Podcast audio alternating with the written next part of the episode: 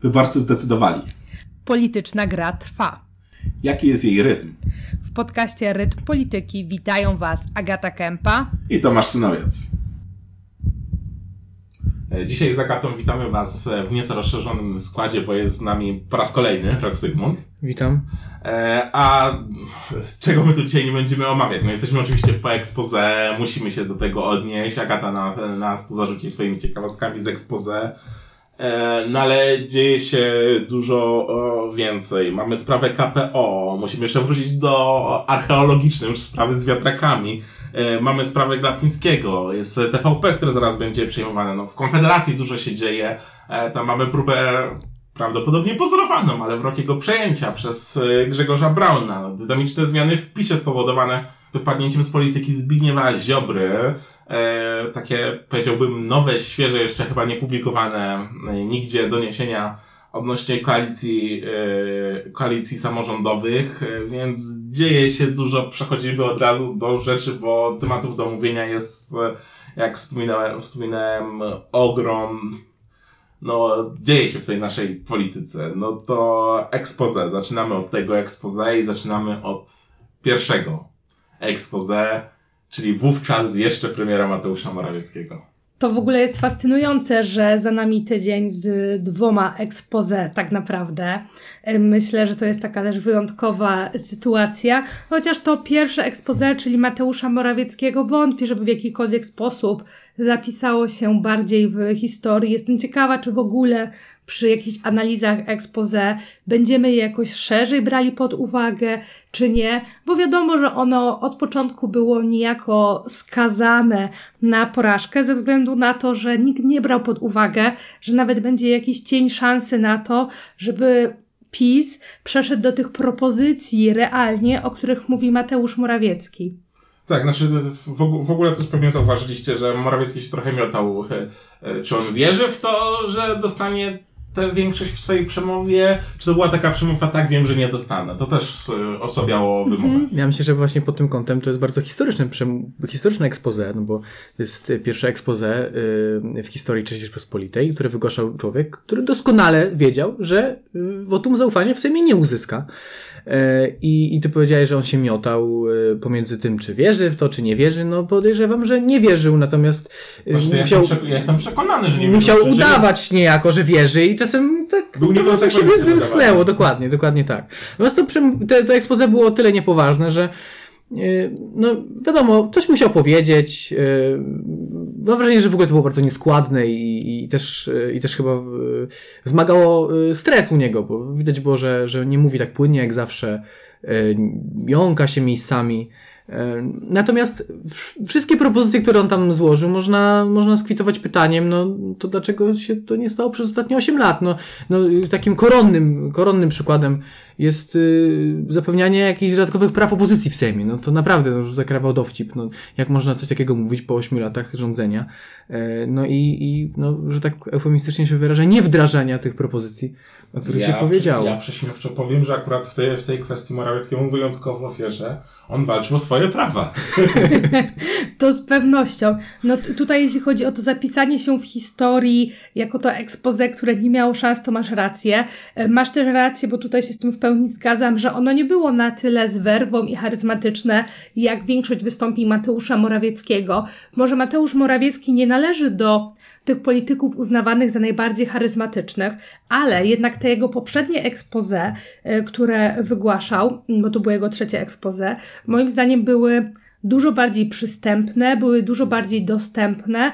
One się odróżniały od tych expose wcześniejszych właśnie tym mm, współczesnym językiem polityki, kierowanym rzeczywiście do wszystkich obywateli, wszystkich obywatelek, e, tym, że mm, on w jakiś sposób próbował też grać i mówić e, nie tylko do osób zebranych na tej sali, ale czuł, że przemawia do e, narodu. Było to jakieś, w jakiś sposób świeże. Też właśnie analizowałam wcześniej te poprzednie ekspoze pod takim kątem językowym i ono wypadało dobrze. No tutaj też myślę, że ono było nudniejsze i może abstrahując jakby od tego samego języka, którego używał, ale w sposób, w jaki się wypowiadał, moim zdaniem właśnie też wskazuje na to, o czym ty powiedziałeś, e, że mógł go zjadać stres, bo jednak e, zupełnie inaczej występuje się przed grupą odbiorców, kiedy wiemy, że ona nam jest przyjazna, a nie kiedy wiemy, że czeka nas porażka tak naprawdę. Przynajmniej w większości. Przynajmniej w połowie. Tak,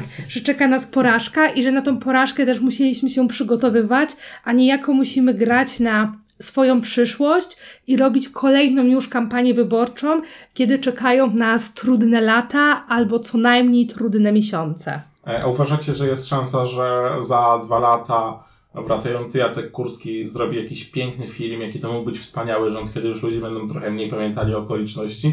Czy widzi- widzicie potencjał w tym expose na budowę takiego mitu, jak kiedyś z Nocnej Zmiany? Trochę tak. Znaczy, z, tam były takie akcenty, y, które, które Michał Płociński na łamach Rzeczpospolitej nazwał lewicowymi. No, zresztą zresztą y, głównym wrogiem, który, który zwalczał Mateusz Morawiecki w tym ekspoze był neoliberalizm. Y, powoływał się y, Morawiecki na, na Michała Kaleckiego. No, było to y, takie, takie pozycjonowanie się w roli tej mm, bardzo takiej prospołecznej, no nie chcę powiedzieć lewicy, no bo to jest określenie, które oczywiście zawiera w sobie wiele więcej niż to, co Mateusz Morawiecki nam zaprezentował. Tym niemniej myślę, że, że coś w tym może być, że, że jako, jak, jakaś mitologia się wokół tego wytworzy. Zresztą dotyczy tak samo ekspozy Tuska, o którym zaraz powiemy. Mitologia władzy, która, która mogła trwać, która mogła e, wdrażać kolejne programy, która mogła zapewniać społeczeństwu dobrobyt, no ale nie może, no bo no, niestety straciła władzę. No. Znaczy ja właśnie mam problem, z, problem z tym, bo e, o ile wierzyłem, że taki będzie plan i myślę, że mogą podjąć taką próbę, e, to uważam za mało prawdopodobne, żeby, żeby taka próba się udała. Jednak e, ogrom ludzi to oglądało, ogrom ludzi pamięta te okoliczności. E, to jednak nie jest też sytuacja z nocną zmianą, gdzie od razu udało się wytworzyć takie wrażenie e, orędzie Molszewskiego, że tu nas nagle odwołują.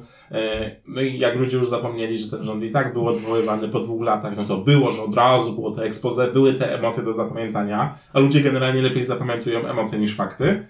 No to tutaj te expose nie wygenerowało żadnych emocji. Właśnie, to też jakby o to chodzi, że pod tym względem moim zdaniem ono nie będzie takie historyczne, będzie pod tym kątem, że ono było tym chyba pierwszym, które było wiadomo, że będzie nieudane, e, ale ono nie było takie emocjonalne. Tutaj tego też mi w jakiś e, sposób zabrakło. Pod takim kątem marketingowym, kampanijnym, moim zdaniem można było to rozegrać lepiej, a jednak było czuć ten stres i było czuć tą przegraną e, w tym expose. No też cała ta narracja wokół, jaka się działa, to trudno było, żeby mm, w inny sposób, e, żebyśmy to odbierali. Jednak ten przekaz medialny przez ostatnie tygodnie, wszystko jakby zmierzało w tym kierunku. To też trochę zależy od tego, mm, żeby to tak trochę się chciałem odnieść do tego, co po, po, powiedzieliście, e, że to trochę zależy od, od, od przyszłej linii rządu Tuska, tak? Znaczy, jeżeli rzeczywiście y, kurs na cięcie programów, na, e, na taką politykę, y,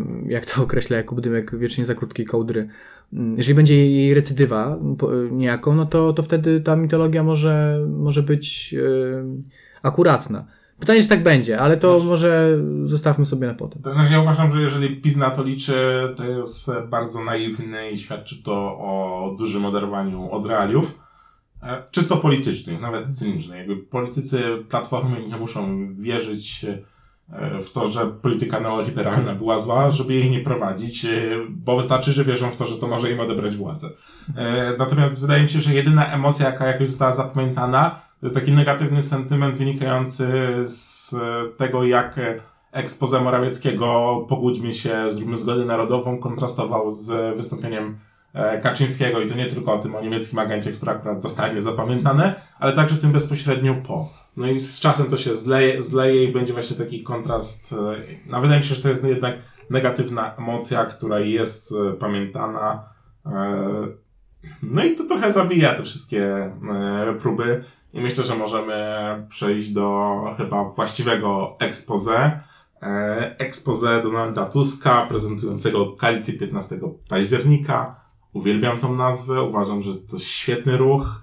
E, no ale może macie coś do powiedzenia na początku? tego Co jest, y, y, na pewno y, ten ruch jest ważny pod kątem tego, o czym rozmawialiśmy na OFIE. Jest to niejako taka ucieczka do przodu przed tym, zanim, zanim PiS próbował obudować przyszły rząd mianem koalicji 13 grudnia, kiedy to Donald Tusk został zaprzysiężony i oderwać jak niejako to skojarzenie ze stanem wojennym od, od przyszłego gabinetu.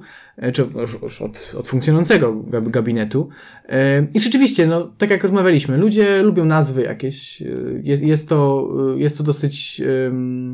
No to ma to też pozytywne skojarzenie, tak? Znaczy 15 października, wybory, no kojarzy się neutralnie, kojarzy się niektórym pozytywnie, zależy oczywiście od stosunku. Znaczy elektoratowi, do którego to jest skierowane, kojarzy się to pozytywnie. Tak, bo kojarzy się z mobilizacją i z takimi emocjami tego pospolitego tak, ruszenia. Takiej pierwszej Solidarności. No. Tej, tej, tej pizzy we Wrocławiu, generalnie takiej podmiotowości.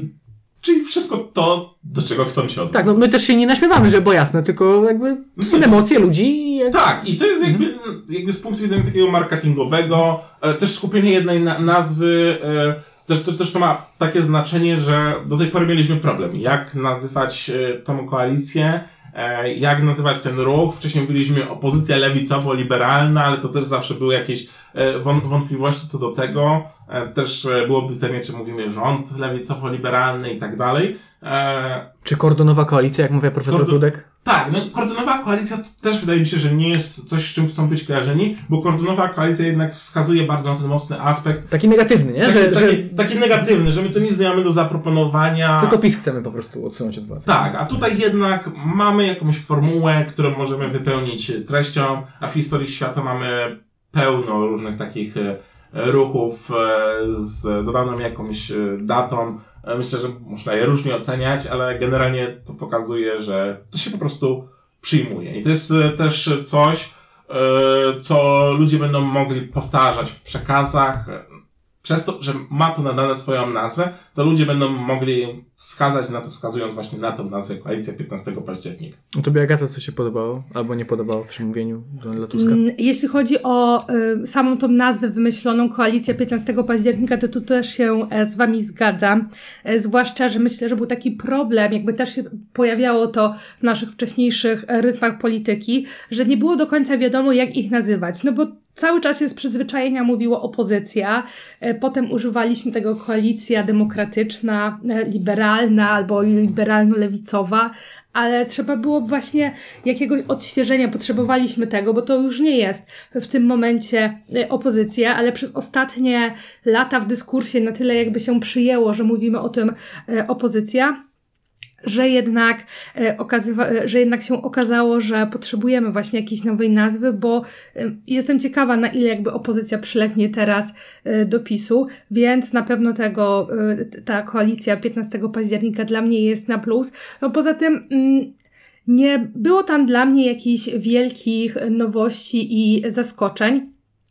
To ekspoze też nie było jakimś wielkim, może powiewem świeżości, nic takiego fantastycznego, czego byśmy się pewnie nie spodziewali, e, się nie wydarzyło. To, co na pewno moim zdaniem trzeba docenić, że ono było dużo bardziej przystępne językowo niż poprzednie expose e, Donalda Tuska bo kiedy właśnie wrzucałam to do takiego indeksu mglistości tekstu, który ocenia, na jakim jesteśmy, na jakim musimy być przeciętnie etapie rozwoju, wykształcenia, żeby to expose zrozumieć, to dużo lepiej wypadało to expose Donalda Tuska, które było kilka dni temu, niż te z lat y, ubiegłych, czyli z 2007 roku. I to kolejne, czyli też widać taką nie dość, że jakiś retoryczny, językowy postęp, to też przy okazji jakby widać te tendencje w polityce, że politycy bardziej też mówią teraz,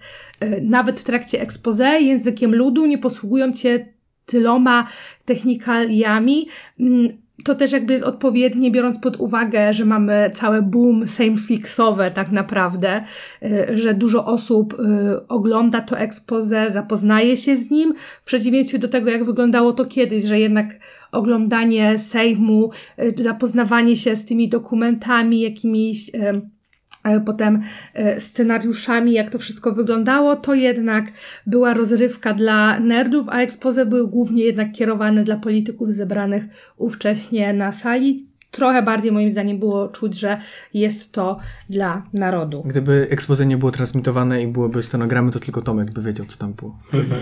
No nie, myślę, że jednak kilka osób jeszcze by, by przeczytało. E, Natomiast co sądzicie o samej treści? Bo język, forma mm, to jest jedno, ale co z treścią?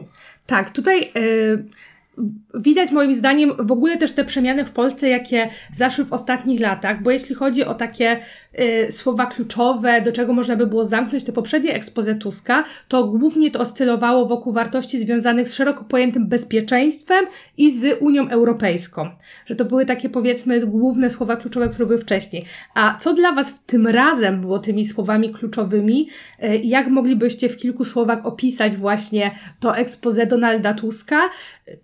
Co zapamiętaliście, jeśli chodzi o tą warstwę samej treści?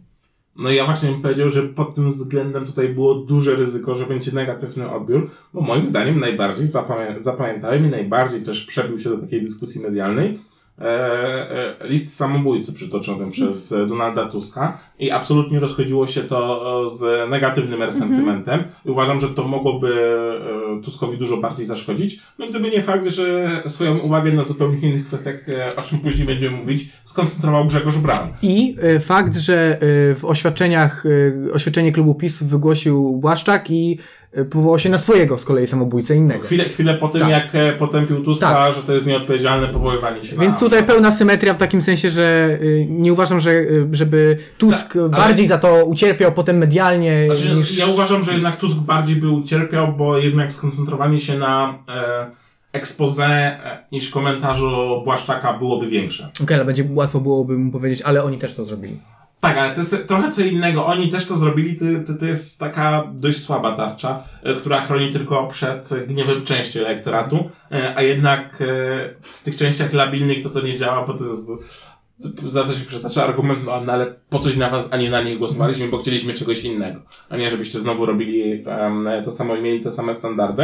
E, no oprócz e, tego ja mam wrażenie, że poziom konkretów e, był tak mały. E, tutaj znowu Krzysztof, Krzysztof Bosak prawdopodobnie e, e, błyszczałby do dzisiaj e, swoim ze swoimi, komentarzami do tego e, expose wskazującymi, że mm, e, Donald Tusk jest e, sprytny, nie pamiętam czy on to powiedział, ale generalnie ja mogę też taki komentarz dać, że e, e, Donald Tusk jest tak cwany, że nie będzie można powiedzieć, że złamał jakieś obietnice, bo właściwie nic nie obiecał Tak, e, w, tym, w, tym, w tym expose. E, no ale oczywiście jak chodzi o komentarz Bosaka, który też w tym tonie był utrzymany, e, no to on też został zgaszony przez e, nomen omen gaśnicę, prawda? Tak, bo wiecie, jakby expose to też jest takie, to z jednej strony najważniejsza wypowiedź zapowiadająca k- rządy czyjeś, a z drugiej strony przez to, że właśnie to ma zapowiedzieć całe rządy, no to trudno się spodziewać jakichś konkretów bardzo wyraźnych, też pewnie byśmy chcieli, bo trzeba w jakiś sposób trafić do każdej grupy społecznej. Więc oczywiście to się też pojawiało. Były podwyżki dla nauczycieli, e, były po prostu zmiany w e, ochronie zdrowia, że dla każdego po prostu trzeba coś wrzucić. I to się pojawia tak naprawdę, jak spojrzymy, przy każdym Zawsze są grupy społeczne, o których w jakiś sposób trzeba wspomnieć. No tych konkretów tutaj za dużo nie było, ale z drugiej strony nie wiem, czy to jakoś bardzo odbiega od y, konkretów wszystkich innych expose, które były, bo ten taki konkret, który mi się wbił w głowę, to na pewno jest 500+, plus, a tak, to czy wy w ogóle pamiętacie jakieś konkretniejsze obietnice z expose? To bardziej jak już jest w jakichś umowach koalicyjnych, w innych wystąpieniach, bo expose to właśnie ma być takie trochę Myślę, że to- przyjemne wystąpienie. Nie, tu jednak, jednak było inaczej. Jakby, nawet jeżeli nie pamiętam konkretów, to pamiętam, że one były. E, I to te, też jest jest coś, no, samo wystąpienie, e, to zresztą on się odnosił do tego, że żona mu powiedziała, że e, z poprzedniego expose ludzie zapamiętają tylko, że mówiłeś trzy godziny, mimo że on je upchał konkretami. E, Tak, tak, że to było najdłuższe expose. po, po, po, po, Trzeci czym- RP, po, tak. po, czym- po czym Tusk wyszedł i zrobił drugie najdłuższe expose. E, One też dlatego właśnie nie były takie y, chyba czy- czytelne wtedy, bo one były mega długie, te poprzednie expose y, Donalda Tuska. No to było drugie, więc e, pod względem długości, więc powiedziałbym, że e, Donald Tusk wpisuje się w swoją, w swoją tradycję, mimo że zapowiadał, że się od niej odetnie. W ogóle uważam, że pierwsza część tego expose Tuska to było tak, taki, takie branie rozbiegu połączone z próbą budowy jakiejś mitologii.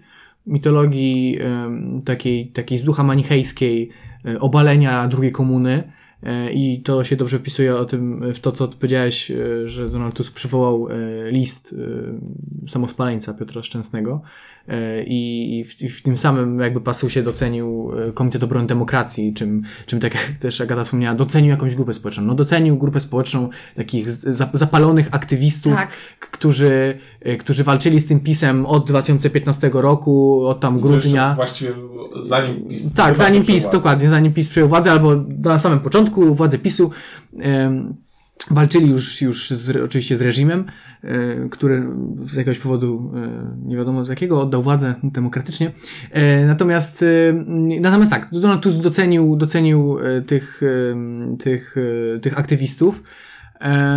A druga część, no to, to było takie przedstawianie, przedstawianie gabinetu połączone z, bym powiedział, takim luźnym stand-upem. e, Znaczy, ja uważam, że to przedstawienie gabinetu było bardzo słabe. No, w... Zapomniał nawet Barbara o... Nowacka nie jest czarnkiem. Sikorski znacie go. No, Właśnie, właściwie, rzeczywiście było tak, że chyba trzech pod rząd ministrów y, Donald Tusk przedstawił mówiąc, że właściwie wszyscy ich znamy. No to, to, to trochę po co ich przedstawia, jak ich znamy, nie? Ale i, może, może, może to i tak lepsze niż przedstawienie Tuska przez e, Borysa Budkę, e, który po prostu już tak wierno poddańczo go później argumentował e, za nim, że no, nie tylko przecież pisowcy zaczęli się śmiać w momencie, jak, jak zaczął mówić, że on nawet kulturę, obrazy lubi. Mm, Wiecie, znaczy no moim zdaniem e, z jednej strony nie było to jakoś w 100% celne, nie było tam jakiejś e, wyjątkowo wybitnej argumentacji, ale trzeba docenić to, że w jakiś sposób, chociaż Donald Tusk próbował to argumentować, bo zdarzały się też takie przedstawienia rządu, gdzie po prostu ktoś recytował e, tam osoba XYZ na ministerstwo ABC i jedziemy dalej, że nie było jakiego, w jakiś sposób takiego dodatku, tylko było no, przygotowane i tak właściwie odczytywane e, stricte z kartki. Tutaj coś tam jakby przynajmniej było dodanego.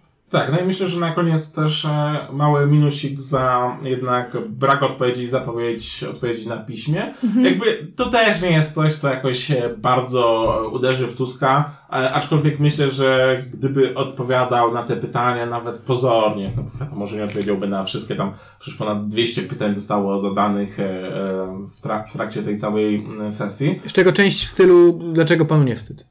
Tak, dlaczego panu nie... No, do Morawieckiego były pytania, dlaczego był pan tak wspaniałym premierem i czy będzie dalej. E, ten, więc e, to oczywiście e, te pytania można, zresztą zawsze przy tych pytaniach to jest tak, że nie odpowiada się na wszystkie. Zapowiedź odpowiedzi na wszystkie pytania na piśmie, no to wiadomo, starzyści będą mieli pracę i to będzie jakieś tam pozytywne.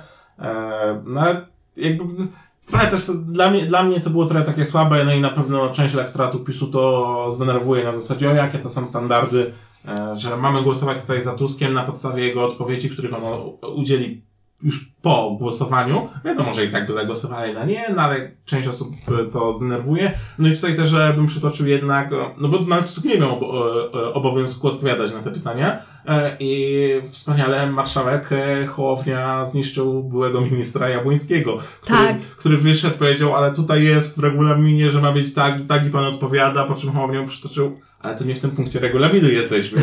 E, więc e, e, tutaj jakby no, Hołownia oczywiście zapunktował tak e, na koniec jeszcze przy, przy okazji. E, natomiast no, tak jak mówię, no, z samego expose wydaje mi się, że e, to przyjęcie nazwy Koalicja 15 października to jest e, coś, co najbardziej zapamiętamy, no bo ten samobójca się nie poniósł e, dzięki Sejmowemu Strażakowi. Bardzo mnie bawi to, że podsumowując expose Donalda Tuska, okazuje się, że rzeczy, które zapamiętamy, to poza nazwą, która została wprowadzona koalicja 15 października, to y, y, samo spalenie się, y, Brown i na koniec Szymon Hołownia, czyli z expose Donalda Tuska zapamiętamy też bardzo dużo Znaczy myślę, że Szymon, że. Szymon Hołownia to jest jednak ten punkcik naszej teorii. Tak. E, punkcików, ale to nie jest coś, co będziemy za dwa lata wspominać. A pamiętasz, jak Szymon Hołownia e, e, pokonał z mównicy sejmowej... Za dwa lata powiemy, pan prezydent Szymon Hołownia. Tak, może powiemy, może nie. Ja, ja, znaczy, e, kiedy, kiedy ja nie wró- wróżę sukcesu Szymonowi Hołowi, to chyba ludzie w trzeciej drodze powinni się cieszyć. Tak, tak, to, to ciekawe, czy jest taka zależność synowca. Synowiec mówi, że trzeciej drodze się nie uda, a proszę, bum, najwięksi wygrani. Tak, więc, więc trzecia droga powinna przekonywać, wró- wróż jak najgorzej. Tak, no jeśli chodzi o tego e, Szymona Hołownię, to tu zostało po raz kolejny podkreślone to, że on jednak się przygotowuje do bycia marszałkiem, że e, wychodzi mu to jednak, bo zdobywa na tym stanowisku jakieś plusiki, ale tym samym myślę, że już przechodzimy do tak naprawdę innych tematów. Tak, przechodzimy do rytmu tygodnia, a w rytmu tygodnia też zaczynamy od tematu, który jest może trochę archiwalny już. E, przez to, jak nam e, pędzi polska polityka, ale która, który znowu połączy się z Szymonem Hołownią, bo e, wypada nam mimo wszystko powiedzieć e, parę słów e, o aferze wiatrakowej, ona już trochę ponad tydzień temu miała miejsce. E, czyli tej sprawie, gdzie e, pojawiła się ustawa jako ustawa poselska, no bo wtedy jeszcze nie mieli rządu, e, proponująca e, zmiany w prawie wiatrakowym i tam się znalazło kilka kontrowersyjnych e, e, zapisów, przepis... W ogóle to była ustawa o czym innym, tak? To była wrzutka. Tak, to, tak, to było, to było na zasadzie To takiej... była ustawa o, o, O mrożeniu o cen- mrożeniu cen o energii, mroż- mrożeniu cen... gdzie była wrzutka do... Tak, to też legislacyjnie, kiedy y, koalicja 15 października była w opozycji, krytykowali, że to tak nie wolno, że w ustawie o jednej rzeczy robimy wrzutkę o drugiej rzeczy, a tutaj zro zrobili tak samo, e, licząc pewnie na to, że dzięki temu przepchną to przez prezydenta, przynajmniej takie była najpopularniejsza teoria. E, No ale do tej ustawy o mrożeniu cen energii wpisali zmniejszenie tego dystansu wiatrakowego, gdzie wszyscy mówili o tych 500 metrach, a tam nagle pojawia się zapis o 300 metrach, e, gdzie oprócz tego pojawia się informacja, że budowa wiatraków będzie e, e, to było inwestycją celu publicznego, e, co spora część prawników, ja wiem, że tam były spory wśród prawników, ja akurat uważam, że ci, którzy uważali, że e, jak tak przeanalizowałem to pewne rzeczy, którzy uważali, że to daje pewne podstawy do ewentualnego wywłaszczania, które oczywiście nie byłoby masowe, raczej jeżeli by nawet gdzieś się wydarzyło i nie byłoby automatyczne, takie procedury pewnie bardziej były wszczynane niż faktycznie doszło do skutków, to jednak się to pojawiło. E, No i to wywołało ten, e, tę całą aferę jeszcze dzień wcześniej też, e, bo tam były zapisy uderzające w Orlen, które spowodowały drastyczny spadek wartości Orlenu jednego dnia. E, No ale szybko zostało to przykryte przez, e, przez te pozostałe kwestie wiatrakowe. E, No i niezbyt fortunnie skleiło się to z tym, bo tak naprawdę Paulina Henning-Kloska, która najbardziej, w którym to najbardziej uderzyło, ona jest tylko po części odpowiedzialna, bo faktycznie wzięła to na siebie, ona to koordynowała, no ale to jest tak, że to był projekt jednak w większości przyniesiony przez, przyniesiony przez Koalicję Obywatelską, no ale ona wrzuciła dzień wcześniej tego tweeta, że pracuje nad tą ustawą, po nocach Tak. przygotowuje. E, No też powszechnie przyjęto e, i zdaje się, że dość słusznie, że to była wrzutka lobbyingowa do, do ustawy. Lobbying nie cieszy się w Polsce e, najlepszą renomą. E, Wręcz bardzo złą i odbieramy go raczej negatywnie. Tak, jakby to było przestępstwo, kiedy legalny lobbying e, przy jego wadach pewnych jednak e, ma też e, po- pozyty, pozytywne elementy i te, też pewnie należałoby na to zwrócić uwagę, ale jednak e, sentyment tutaj był taki e, bardzo negatywny, nawet mówiło się, że ona ostatecznie nie wejdzie do rządu z tego powodu. Ostatecznie się znalazła. To swoją drogą pokazuje pewną siłę Polski 2050 w tym Myślę, że ona weszła dlatego, że ludzie zaczęli mówić, że ona nie wejdzie i nie mogli sobie pozwolić na to, żeby ją ostrzelić przed... E, wydaje mi się, że nie, bo jednak w Platformie pojawiły się takie głosy, że, e, że ją odstrzelą i to nawet publicznie. E, Natomiast e, jakby Polska 2050, tam chyba Michał Kobosko bardzo mocno powiedział, ona wciąż jest naszą kandydatką na ministra i to spowodowało, jakby wydaje mi się, że takie postawienie się pokazało, że my tutaj nie ustąpimy. E, No właśnie, ale widzisz, no gdyby, gdyby nie było tematu jej odsunięcia, to może by, to może by się, może by ją odsunęli. Ale że zaczęło się mówić o tym, że nie, no przecież ona nie może być ministrem w takim wypadku, to spowodowało, to było takie spojrzenie zwrotne. Na zasadzie, Wydaje że- mi się, że przykłady pewnych wiceministrów, którzy nie zostaną wiceministrami, e, od e, bezpieczeństwa. najpoważniejsza strategicznego- Tak, ale chodzi, chodzi mi o to, że jednak pokazują, że e, gdyby nie było tak, że Polska 2050 się za nią wstawiła, to myślę, że ona by poleciała.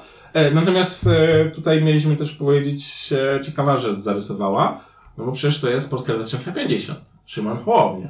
E, I Szymona Hołownię spytano, no, co pan na to, że pana partia takie rzeczy? Ze cztery dni po w ogóle go spytano. Znaczy, Ta, no, po ale, całej awanturze. no ale to jakby marszałek, pytamy marszałka, no cztery, cztery dni, jednak wciąż to nie jest bardzo odległy temat. E, Chociaż biorąc pod uwagę tempo polityki w ciągu ostatniego tygodnia, to cztery dni to mi się wydaje jakaś gigaera. Tak samo jak powiedziałeś w ogóle o aferze wiatrakowej, to mam wrażenie, że jakby to było w... Tak, dwa lata temu, a Tak. nie dwa tygodnie temu. E, I, e, no i Szymon Hołownia trochę co według mnie pokazuje ten jego przyszły kurs. E, wy- wygłosił takie oświadczenie, ale to to jest partia, to trzeba z ludźmi z partii, a tutaj marszałek, taki ojciec narodu trochę, już takie budowanie się pod prezydenta, no ale to też ciekawie pokazuje, no jak będzie wyglądała ta relacja, że Szymon Hołownia trochę się e, separuje e, od e, Polski 2050. No i to dla dynamiki będzie ważne, no bo albo ktoś będzie musiał tą Polskę 2050 wziąć, przejąć, zostać jej e, nowym liderem, zwłaszcza gdyby jednak się udało Szymonowi Hołowni e, zostać e, prezydentem, e, no bo inaczej jak nikt nie weźmie tego w garść, no to Polska 2050 zostanie sierotą po Hołowni e, i mogłoby się okazać, że inne partie tam chętnie sobie ją podzielą między siebie. E, Nawet jeden, jeden znajomy, jak z nim rozmawiałem, przyszedł taki pomysł, że Tusk to powinien poprzeć Hołownię na prezydenta, żeby on został tym prezydentem, tylko po to, żeby później e, Zwasalizować klub, tak. tak, zga- zgarnąć większość e, Polski 2050 do, do koalicji obywatelskiej, tak samo jak wcześniej została zwasalizowana A nowoczesna. ja myślę, że jeżeli, jeżeli Michał Kobosko się nie wypromuje na, na frontmana, to nie jest to bardzo odległy scenariusz. Tylko, tylko pytanie, pytanie, na ile się może wypromować, zwłaszcza, że w, on na e, ostatecznych, ele, ostatecznym, w takim, na finiszu negocjacji koalicyjnych został zastąpiony i nie wszedł do rządu, żeby no i Polska 2050 wysłała same kobiety. E, I to oczywiście było trochę tym kluczem robione, żeby to były kobiety, no ale jednak nie wszedł e, do rządu. I pytanie, czy, czy to jest oznaka jakiejś strategii, czy może jednak oznaka jakiejś słabości? No pytanie, czy nie, wchodzę, nie wchodzenie do rządu właśnie, to plus czy minus? Może to plus, bo się skupi na partii. No ale pytanie, czy będzie miał narzędzia do takiego bardzo się wypromowania. On jednak nie jest aż tak bardzo rozpoznawalny. Funkcja ministerialna mogłaby mu trochę tego gravitas nadać i pomóc e, wypromować się jako ważnemu politykowi. Pytanie, Moim zdaniem on minister- się w ogóle już w jakiś sposób e, promuje, bo nawet danie go po prostu na jedynkę w Warszawie, kiedy ta Warszawa było, jest w jakiś sposób siłą rzeczy cały czas uznawana za to clue, gdzie są ci szefowie partii. E, Ale to nie jest poziom rozpoznawalności na e, lidera dużej ogólnopolskiej partii. W dalszym ciągu ma e, dwa lata w takim razie e, na to. Umówmy się, że trzecia droga, pomimo tego, że e, stała się trzecią siłą, e, to Szymon Hołownia, Polska 2050, to jest na tle tych wszystkich innych partii świeży twór, bo mamy do czynienia z PiSem, z PO, z PSL-em, który był od zawsze, z Lewicą, które są jakieś elementy świeżości, ale tak naprawdę pod e, szyldem Czarzastego, który... Nawet Konfederacja jest trochę starsza. Właśnie, E, więc ta trzecia droga, Szymon Hołownia, Polska 2050, to są tak naprawdę cały czas w jakiś sposób nowości. A myślę, że oni mają kilka nazwisk, które są na tyle wypromowane, że mają rozpoznawalność ogólnopolską. Wiadomo, że nie na poziomie Mateusza Morawieckiego czy Borysa Budki, ale są jednak. No przecież obok Michała Kobosko ym, pomówiliśmy o y, Henning Klosce, jeszcze jest przecież e, gramatyka, który też się regularnie pojawia w mediach ogólnopolskich.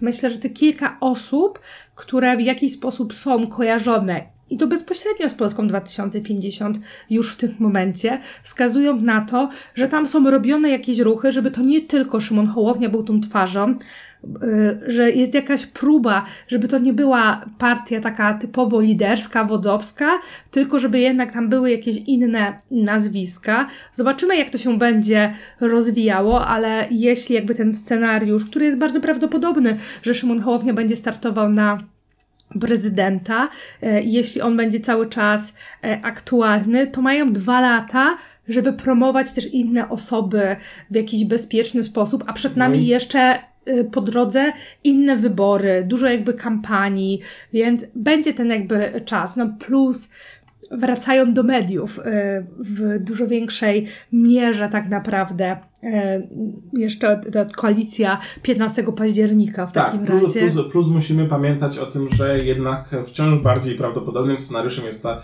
jest to, że to Szymon Hołownia z solidnym wynikiem prezydenckim, ale jednak bez drugiej tury po prostu przychodzi, wra- wraca jako ten taki zwykły lider, który też nie jest już marszałkiem i też skupia się bardziej na partii, już e, nie ma takiego, takiego przekazu e, partia jaka partia, tylko jest normalnym liderem. Tak. Y, Ja wróżę trzeciej drodze i Polsce 2050 y, póki co y, sporo takich sukcesów. Myślę, że oni to zgrabnie rozgrywają i chociaż przed nimi było bardzo wiele pułapek, to z wszystkich te, póki co wychodzą zwycięsko. I nawet rozważając scenariusz, że za dwa lata Szymon Hołownia jest kandydatem na prezydenta, nie wiem, może nawet wejdzie do drugiej tury, wątpię e, na ten moment, e, ale zdobywa tam jakiś e, dobry wynik i potem wraca, przestaje być marszałkiem, to on ma bardzo dobrą jakby pozycję. Może wtedy w jakiś sposób będzie też przetasowanie w rządzie. Te przetasowania w rządzie to w ogóle na pewno będą przez te mm, najbliższe lata. Ja I myślę, że przez na- miesiące mogą być. tak, i ma czas na przygotowanie się pod jakby kolejne wybory z bardzo silnej pozycji, będąc bardzo rozpoznawalnym politykiem, bo on przez następne dwa lata będzie się tylko budować. Więc tutaj oni są na świetnej pozycji startowej pod kolejne wybory. Oczywiście jest to zagrożenie w postaci wchłonięcia Polski 2050 przez Donalda Tuska, ale to zagrożenie wchłonięcia przez Donalda Tuska i Platformę Obywatelską zawsze jest po tej centrowo-lewicowej e, stronie. Myślę, że jest to jednak mało prawdopodobne, biorąc pod uwagę, jak póki co im idzie i jak oni się też budują właśnie jako ta inna marka. E, Tak, no z, dalej mamy do e, omówienia jeszcze e, kwestię Glapińskiego, e, no bo to jest e, jeden z tych elementów, e, gdzie mamy kogoś, kogo można rzucić pod, pod Trybunał Stanu, natomiast no, jest reakcja europejska, jest list szefowej Europejskiego Banku Centralnego, Jest też e, jednak stała praktyka bronienia e, prezesów mm, narodowych banków, e, dość silna, nawet przy dużo poważniejszych zarzutach, e, tak jak w, bodajże w Estonii. Mamy prezesa oskarżonego o korupcję, i tak jest e, broniony na tym w czasie postępowania, żeby go nie zdejmować e, z funkcji. E, No i przełożyłoby się to też e, na duże problemy gospodarcze. No bo w momencie, kiedy e, zostałby zawieszony prezes Narodowego Banku, e, no to na pewno rynki, e, różne, różne fundusze by zareagowały na to, odbiłoby się to naszej gospodarce, odczulibyśmy to w portfelach, więc pytanie, czy waszym zdaniem to będzie ruszane i czy powinno być ruszane? Myślę, że nie powinno być ruszane, bo z jednej strony, tak jak mówisz, to jest dosyć trudne, żeby Glapińskiego e, postawić przed Trybunałem Stanu, ze względu choćby właśnie na, na, na te różne czynniki e, finansowo-europejskie. E, A z drugiej strony wydaje mi się, że w Polsce jednak niewielu byłoby obrońców Glapińskiego. Nie jest specjalnie lubiany w elektoracie. W elektoratach w ogóle nie jest specjalnie lubiany. No poza pewnie oczywiście wyborcami PiSu takimi twardymi. Natomiast y, no, on często irytował ludzi swoimi konferencjami prasowymi, w który, które przypominały taką luźną formę pogadanki na tematy ogólne. E, Ale to może jest właśnie argument za tym, żeby rzucić go pod ten Trybunał Stanu. Ludzie by się ucieszyli. y, tak, tylko z drugiej strony konsekwencje tego... Chleba byłoby mniej, ale ich No i więcej. byłoby więcej, tylko Igrzysk mamy ostatnio, moim zdaniem, wystarczająco dużo i o ile jeszcze... jeszcze będą, to spokojnie. Jeszcze będą, właśnie. I o ile ten temat y, był jakoś wrzucony i może nawet podchwycony przez media tydzień temu, to w ciągu jakby tego tygodnia przez te expose 2 i nie tylko te expose, tyle trafiło do dyskursu nowych tematów, że mam wrażenie, że ten temat w jakiś sposób zszedł na dalszy plan, że to była trochę jakby taka próba e, właśnie wrzucenia tego Glapińskiego na arenę, ale też przez reakcje międzynarodowe, przez ten sojusz wielkich banków i tak dalej, że w jakiś sposób myślę, że to ucichło, że to jest trochę pokazanie, że jesteśmy w stanie wyciągać konsekwencje, e, możemy to robić, ale teraz się pewnie zajmiemy budowaniem nowej Polski i że finalnie to nie zostanie zrobione, zwłaszcza, że może to mieć w praktyce też negatywne konsekwencje i nie wiem na ile na dłuższą metę by się opłacało postawienie Glapińskiego przed Trybunałem Stanu. No to we mnie tutaj tradycyjnie są dwa wilki, e, bo jeżeli mówimy o czysto interesie takim e, partyjno-politycznym koalicji 15 października, e, to raczej z dużą dozą prawdopodobieństwa, bliską pewności możemy powiedzieć, że nikogo innego nie uda się przed Trybunał Stanu postawić. A gdyby udało się postawić choć jedną osobą, osobę przed Trybunałem Stanu, to jednak temu rewanżystowskiemu, dość licznemu elektoratowi można było pokazać, patrzcie, rozliczamy tych niszczycieli Polski. A Glapiński pod względem takim społecznego odbioru byłby tutaj E, dobrym przykładem. E, no a ten spór z Europą jakoś by się tam wygładziło na innych płaszczyznach. E, też wydaje mi się, że spór, czy to z Komisją Europejską, czy z Europejskim Bankiem Centralnym, generalnie to jest coś, co Platformie będzie łatwiej przeżyć i też ten, ten spór też według mnie nie przyciągałby się aż tak długo. No jakby przyklepałoby się go jakoś. Myślisz, że tak prosto? Myślę, że nie tak prosto, e, ale to nie byłoby na tej zasadzie, że to byłby spór, który jak e, PiS rozpoczął spór z e, Unią Europejską, z, z urzędami, to ciągnął się do końca kadencji. Myślę, że w przypadku koalicji 15 października nie byłby to spór na 4 czy tam kolejne 8 lat, tylko coś, co przez pół roku byłoby sporą jazzgą, ale też wydaje mi się, że po stronie unijnej e, byłaby większa, większa skłonność do wybaczenia pewnych rzeczy e, Tuskowi i e, jego koalicji.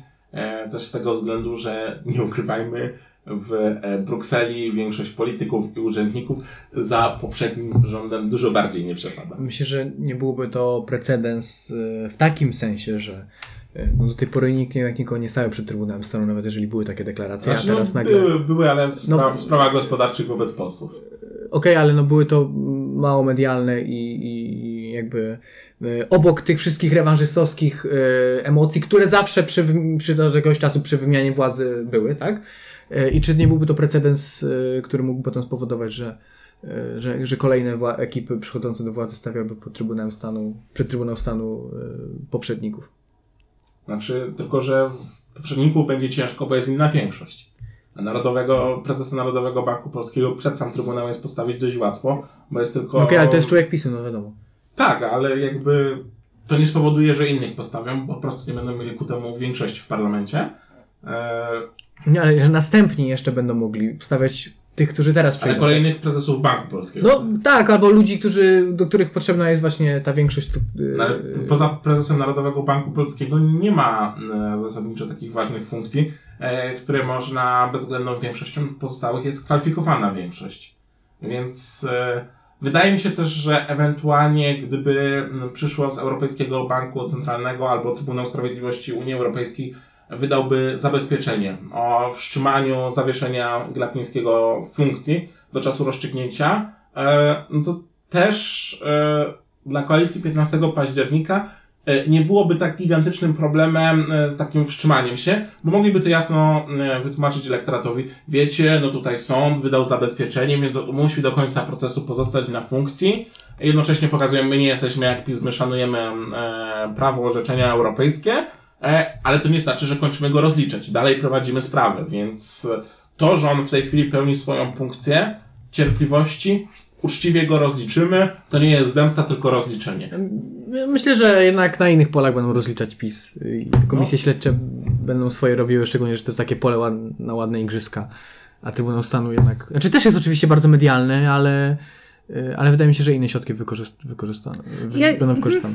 Ja się tutaj zgadzam z Rochem. Myślę, że to jest mało prawdopodobne i że e, koalicja 15 października, utrwalmy tę nazwę sobie, będzie mm, jednak wykorzystywała inne środki, e, zwłaszcza, że w momencie, w którym jesteś już przy władzy, e, to moim zdaniem trzeba trochę zmienić narrację i przestać grać e, antydruga partia, tylko trzeba jednak e, też pozyskiwać sobie cały czas nowe osoby, trzeba pokazywać, że się jest skutecznym.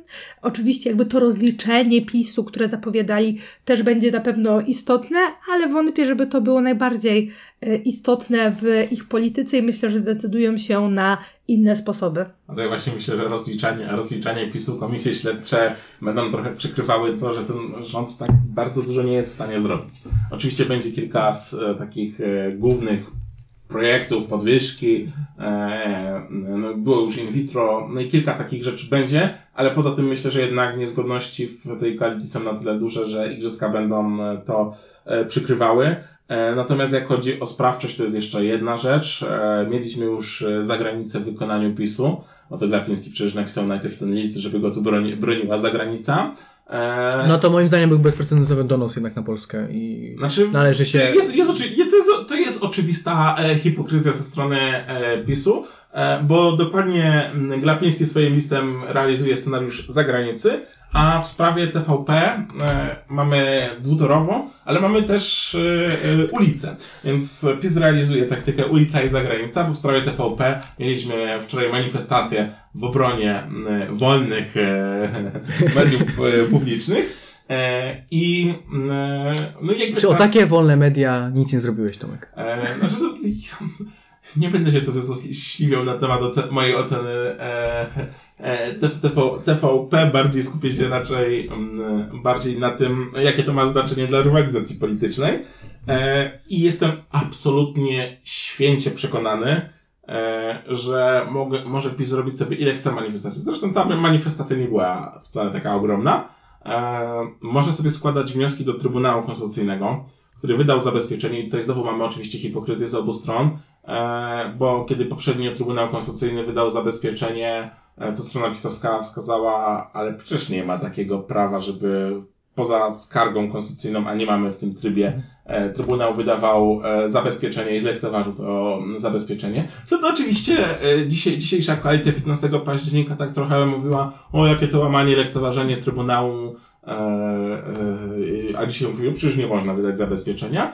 E, ja, ja osobiście jakby tak merytorycznie zgadzam się ze stroną, że Trybunał nie ma prawa wydawać takich zabezpieczeń, tak samo jak uważałem to e, kiedy e, rządził PiS, tak samo uważam, e, kiedy e, PiS jest w opozycji i rządzi koalicja 15 października. Ale nawet gdyby, gdybym był przekonany, że absolutnie Trybunał ma święte prawo i to jest totalne pogwałcenie konstytucji, to uważam, że nawet wtedy i nawet e, gdyby udało się PiSowi przekonać e, ogromną część społeczeństwa, że tutaj jest łamanie konstytucji, a jestem przekonany, że się nie uda, e, to uważam, że nawet wtedy TVP zostałoby odbite, bo to jest po prostu tak fundamentalnie ważna rzecz, żeby było wydanie e, e, wiadomości, żeby było TVP, w którym już e, nie mamy tych wszystkich twarzy, symboli władzy e, PiSu. E, no i wszystko wydaje się, no bo to zabezpieczenie dotyczy tego planu e, odnośnie postawienia spółki w stan likwidacji e, i w ten sposób wyznaczenie likwidatora przez ministra kultury, który poobsadza po prostu swoimi ludźmi, a później się zakończy tą likwidację w sensie takim, że no, e, postawienie w stan likwidacji w tym wypadku absolutnie nie ma na celu e, zlikwidowania spółki. E, No i e, tu jestem przekonany, że będą do tego bez żadnych, e, bez, bez po prostu e, nic ich nie zatrzyma, będą do tego e, dążyć e, i e, ani Trybunał, ani nikt ich nie zatrzyma i to będzie przez ich elektorat bardzo pozytywnie odebrane. E, Co więcej, ocena mm, TVP jest na takim poziomie, e, że wydaje mi się, że e, o ile nie pójdą w takie totalne odwrócenie narracji e, i totalną propagandę, to nawet sporą, sporą grupę wyborców PiSu tą zmianą będą w stanie e, zadowolić. A nawet jeżeli pójdą w tą skrajną, to też nie wydaje mi się, żeby to był zwrot taki z dnia na dzień. Totalnie. Bo... W TVP Kurskiego też nie było z, z, Tak, z, właśnie, ludzie dzisiaj to już trochę Tak, zapomnieli. ale tam nie było też. Tam był, Ale- ale- pewnego ale- czasu tam Andrzej Stankiewicz był zapraszany do Ale TVP ta, ta, tam jakieś pół roku ta zmiana narastała i trwała. Jakby ta pierwotna zmiana, oczywiście była zmiana, że teraz wiadomo, było dużo bardziej e, wskazywanie na PiS jako ten dobry, ale to też nie było tak, że z dnia na dzień dostaliśmy to TVP, e, które stało się symbolem. E, I Tak. też w pierwszych dniach ja mam wrażenie, że jakby TVP w pierwszych dniach Kurskiego e, było nawet bardziej rzetelne niż e, TVP w ostatnich dniach e, Platformy. Tak, ja się tutaj zgodzę, bo pamiętam, że to się mniej więcej wtedy ta zmiana zbiegła jakby z Tak, czasem. ale to, ale to krótko trwało. z czasem, kiedy zaczynałam studia politologiczne i że te, wtedy to TVP było oglądalne, że dało się jakby rzeczywiście czerpać z niego jakieś informacje. To wiadomo, że to nie było całe, całe studium i- już nie trwało, ale że był ten moment, kiedy się dało, więc ten początek zmiany myślę, że będzie taki wyważony, zrównoważony, że rzeczywiście może będzie się znowu na powrót dało oglądać TVP nie tylko dla pasków, No tylko zoba- zobaczymy przez jak długi czas. Nie, Tak. do, do Ministerstwa Kultury, które odpowiada za likwidację, ten scenariusz likwidacji jest to wysłany Bartłomiej Sienkiewicz, czyli no niewątpliwie fighter, człowiek, który no, jest tam wysłany, Zaufany- jest tam wysłany dokładnie po to, Tak. żeby, żeby przeprowadzić zmianę bez specjalnych dylematów. Rzeczywiście y, nie jest tak, że, i to trzeba sobie powiedzieć jasno, y, że TVP jest jakimś gwarantem władzy PiSu, tak? To nie jest tak, że wyborcy PiSu y, to są w swojej masie oglądają TVP Info i wierzą we wszystko, co powie tam Rachoń, y, tudzież Jan Wyborcy, Pietrzak. wy, wyborcy PiSu najczęściej ze wszystkich oglądają nieprzychylne drugie, media drugiej strony. Tak, to wychodziło w badaniach. y, 50% wyborców PiSu ogląda Polsat, 20% wyborców PiSu ogląda TVN. Jakby. To nie Tak, jest tak, to- że, że to.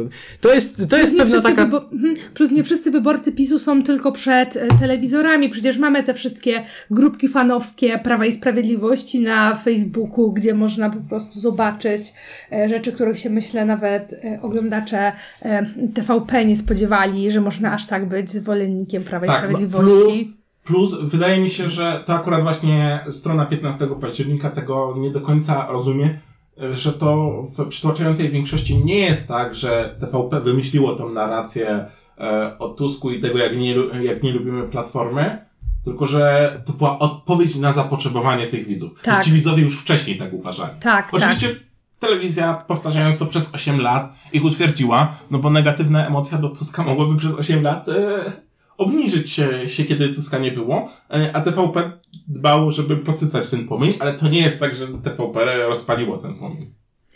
E, Już w ogóle są znane, e, przynajmniej z przecieków medialnych, nazwiska osób, które mogą objąć jakieś funkcje w telewizji. E, No i tak Paweł Puska, dziennikarz faktów TVN, jest, jest typowany na redaktora naczelnego wiadomości.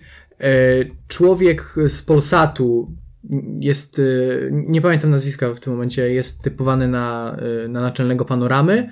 I Grzegorz Sajur z Radia 351 jest typowany na, podobno prowadzi rekrutację do telewizyjnej agencji informacyjnej, czyli ten komponent, który odpowiada innymi za TVP Info. No tak, były też plotki, że Kamil Dąbrowa, rzecznik prezydenta Trzaskowskiego, jedna z osób współodpowiedzialnych za hejterski sok z buraka, zostanie prezesem Polskiego Radia, ale to też nie jest coś, co było na tyle Były redaktor naczelny programu pierwszego Polskiego Radia za czasów rządów y, Platformy Obywatelskiej. Tak, więc tutaj, tutaj e, jakby, no, nie poka- jakby te zapowiedzi nie pokazują, żeby miało być jakieś e, teraz e, wielkie standardy, ale też to nie jest tak, że e, wszystkie te nazwiska to nam mówią, że teraz idziemy na twardą No ja mam duże oczekiwania po Grzegorzu Sajurze, prawdę mówiąc.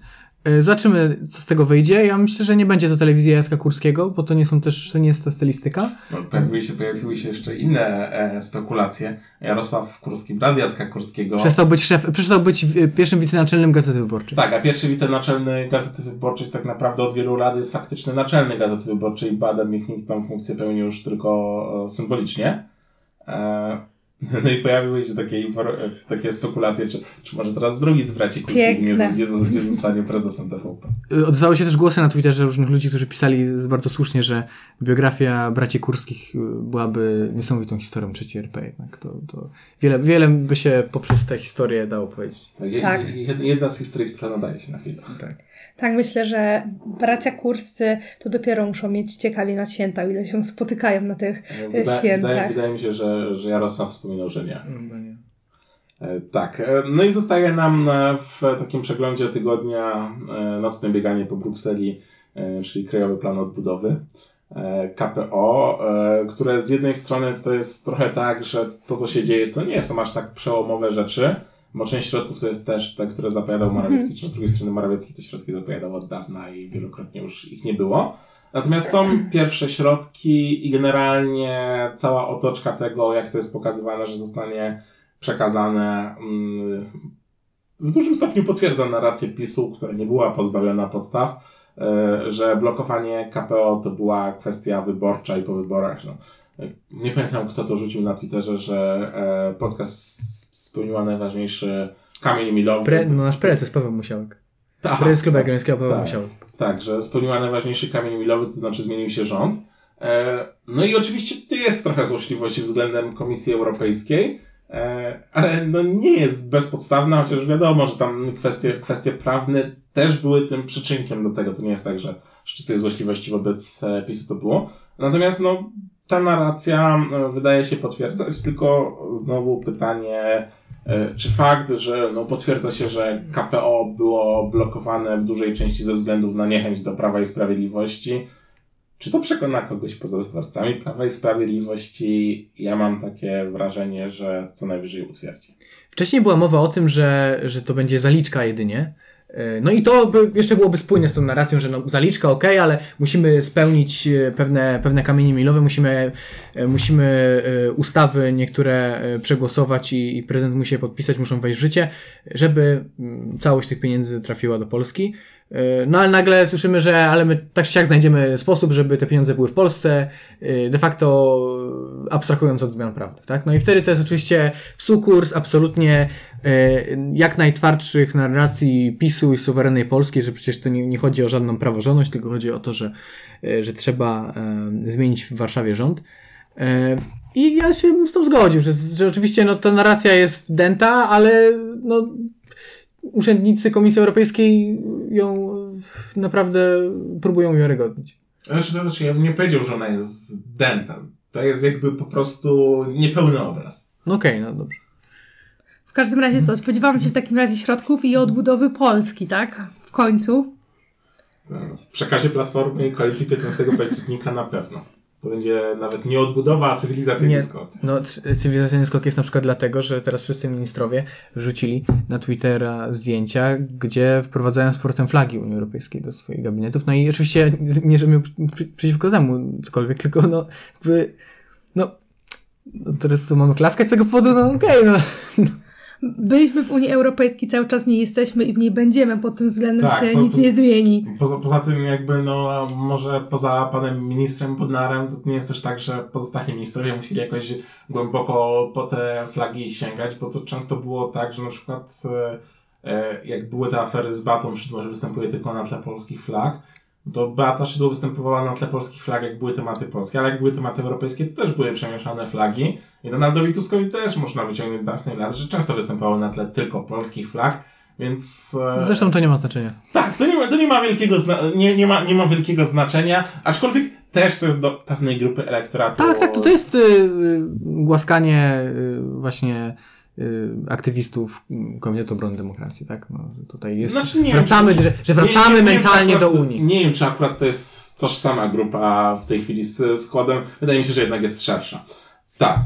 E. Tutaj się zgodzę z tym, że będzie Mentalnie, mam szersza, ale mentalnie. rzeczywiście mm, widać, że Platforma Obywatelska, koalicja 15 października, Donald Tusk robią kolejny taki zwrot, jakby ukłon w stronę jakiejś swojej grupy wyborców, trochę takich e, zakręconych crazoli, bo e, byli i wcześniej kodziarze i teraz mamy bardzo dużych zwolenników e, Unii Europejskiej. Tak, no i chyba w tym miejscu przechodzimy do rytmu partii. W tym tygodniu wyjątkowo obfitego.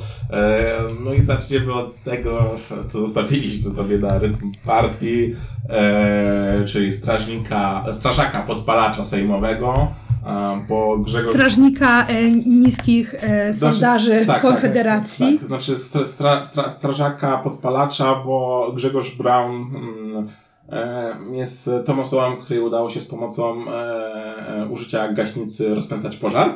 E, Brown skutecznie zgasił gaśnicą Hanukiję, e, czyli tą taką e, świecę żydowską, która została z okazji Hanuki, święta żydowskiego, e, zapalona. E, No ale pytanie, czy skutecznie zgasił Konfederację, to, to jeszcze jest temat e, e, otwarty. No oczywiście Grzegorz Brown, e, jak to Grzegorz Brown, od razu w tej sprawie dorzucił e, e, teksty o talmudyczno-satanistycznym e, święcie. Nie, no nie, ja muszę przerwać. On tylko wyzwał e, zebranych w Sejmie Nie, na nie, nie. dysputę historyczno-teologiczną. To znaczy, to było, to było później, ale Tak, naj, tak. najpierw o talmudysto, talmudy, Tak. talmudyczno-satanistycznym święcie, co swoją drogą e, wskazuje na albo mm, celowe, albo nieświadome ignorowanie e, jakby e, deklarowanej, znajomości deklarowanej przez niego e, wiary katolickiej,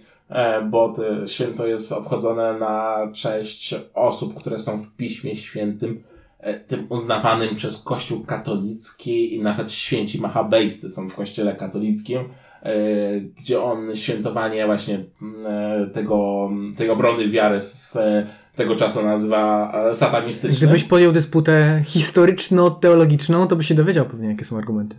Tak, znaczy, ale ja znam te argumenty i one nie, nie wytrzymują, to już wiele osób wskazało na to, że nie wytrzymują kontaktu z, e, z wiedzą, jaką e, na ten temat mamy i też nie wiem, czy Grzegorzowi Braunowi chodziło o jakiekolwiek faktyczne podjęcie tej dysputy.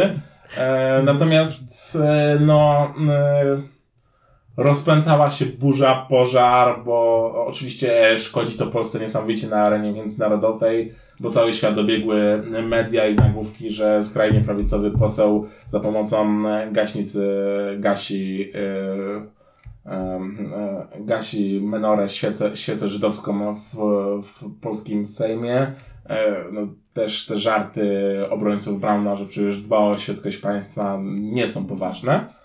E, Natomiast e, całe wydarzenie uruchomiło ogromny proces w Konfederacji.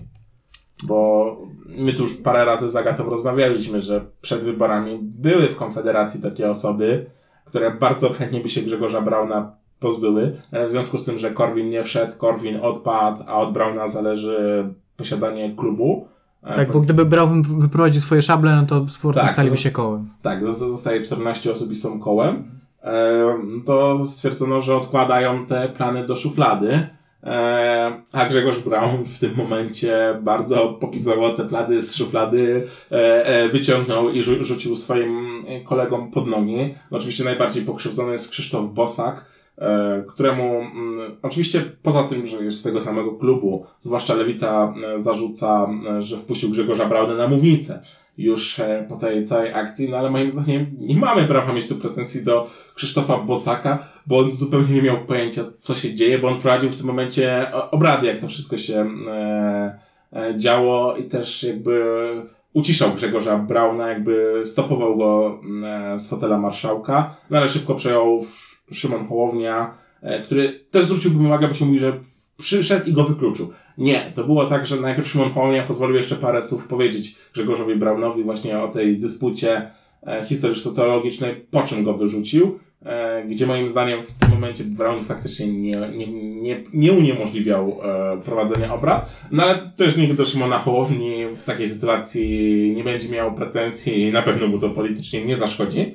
E, No, do, Brown dostał za cały okształt tak naprawdę. No, tak, to, że... to, tak, jakby tutaj jakby, jakbyśmy rozmawiali bardziej o politykach publicznych, e, praworządności w ogóle, ja bym miał swoje zastrzeżenia, ale jak mówimy o płaszczyźnie takich skutków politycznych, to negatywnych skutków dla e, Hołowni nie będzie. No ale pojawiają się pytania, które myślę musimy tutaj jakoś podjąć, to znaczy e, dlaczego Grzegorz Braun to e, zrobił, no i czym to będzie skutkowało zarówno w relacjach wewnętrznych w Konfederacji, jak i dla samej Konfederacji. Y, Ty masz teorię, że Grzegorz Brown to zrobił celowo, i że to był jakby zaplanowany jego atak, który, który Tak, nie miał- był od, jedynie odruchem jakimś takim bezwarunkowym y, kogoś... Na zrobienie kolejnej totalnie żałosnej, karygodnej rzeczy. Kto, czy to nie, jakby nie był kliniczny odruch, czy to nie był taki bezwarunkowy odruch klinicznego antysemity, tylko jakaś, jakaś akcja. To jest, Zaplanowana wcześniej. Tak, obliczona na? E, to znaczy, Hipotezy e, mam względnie, e, względnie trzy, ale może zanim powiem o hipotezach, dlaczego, ja- ja- jak, jakie to są hipotezy, em, to e, dlaczego uważam, że Grzegorz Braun zrobił to w sposób zaplanowany. Przesłanek jest kilka. Po pierwsze, to nie jest pierwszy raz, kiedy Hanuka jest obchodzona w Sejmie i kiedy się tą świecę zapala. W latach pandemicznych tego nie było, ale w poprzednich latach to było. I jakoś Grzegorz Braun był w stanie przejść obok e, tej świecy, a biorąc pod uwagę miejsce, w którym ona była, na pewno przechodził obok e, niej nie raz. I jako, jakoś nigdy za tą gaśnicę nie chwycił. E, Kolejna rzecz to jest to, że cała ta akcja e, była e, jakby e, kamerowana, pokazywana, transmitowana nie od momentu, kiedy Brown bierze gaśnicę i, i zaczyna ją rozpryskiwać w ogóle jeszcze zanim doszedł. On idzie przez, e, przez e, korytarz i od razu e, ro, rozpyla tę gaśnicę. Swoją drogą, co jako reżyser pewnie wiedział doskonale, że zrobi mu ten efekt takiego zagazowania. E, e, Wspaniałe memy powstały po tej akcji, E, polecam tak, Państwu. mamy, mamy, mamy powstałe, ale też szkody dla Polski na, na, ca, na całym no świecie. jasne, I jakby wola, wolałbym nie płacić takiej ceny za dobre memy. Em, I to jest od początku kamerowane od momentu, kiedy on odkłada teczkę. Więc e, kolejna przesłanka. No jasne, no niby mógł ktoś przypadkiem akurat Brauna, jak idzie sobie korytarzem sejmowym z teczką filmować, ale wydaje mi się, że jednak to jest wszystko e, od początku tej drogi sfilmowane i pokazane, co, co mi sugeruje, że to było przygotowane.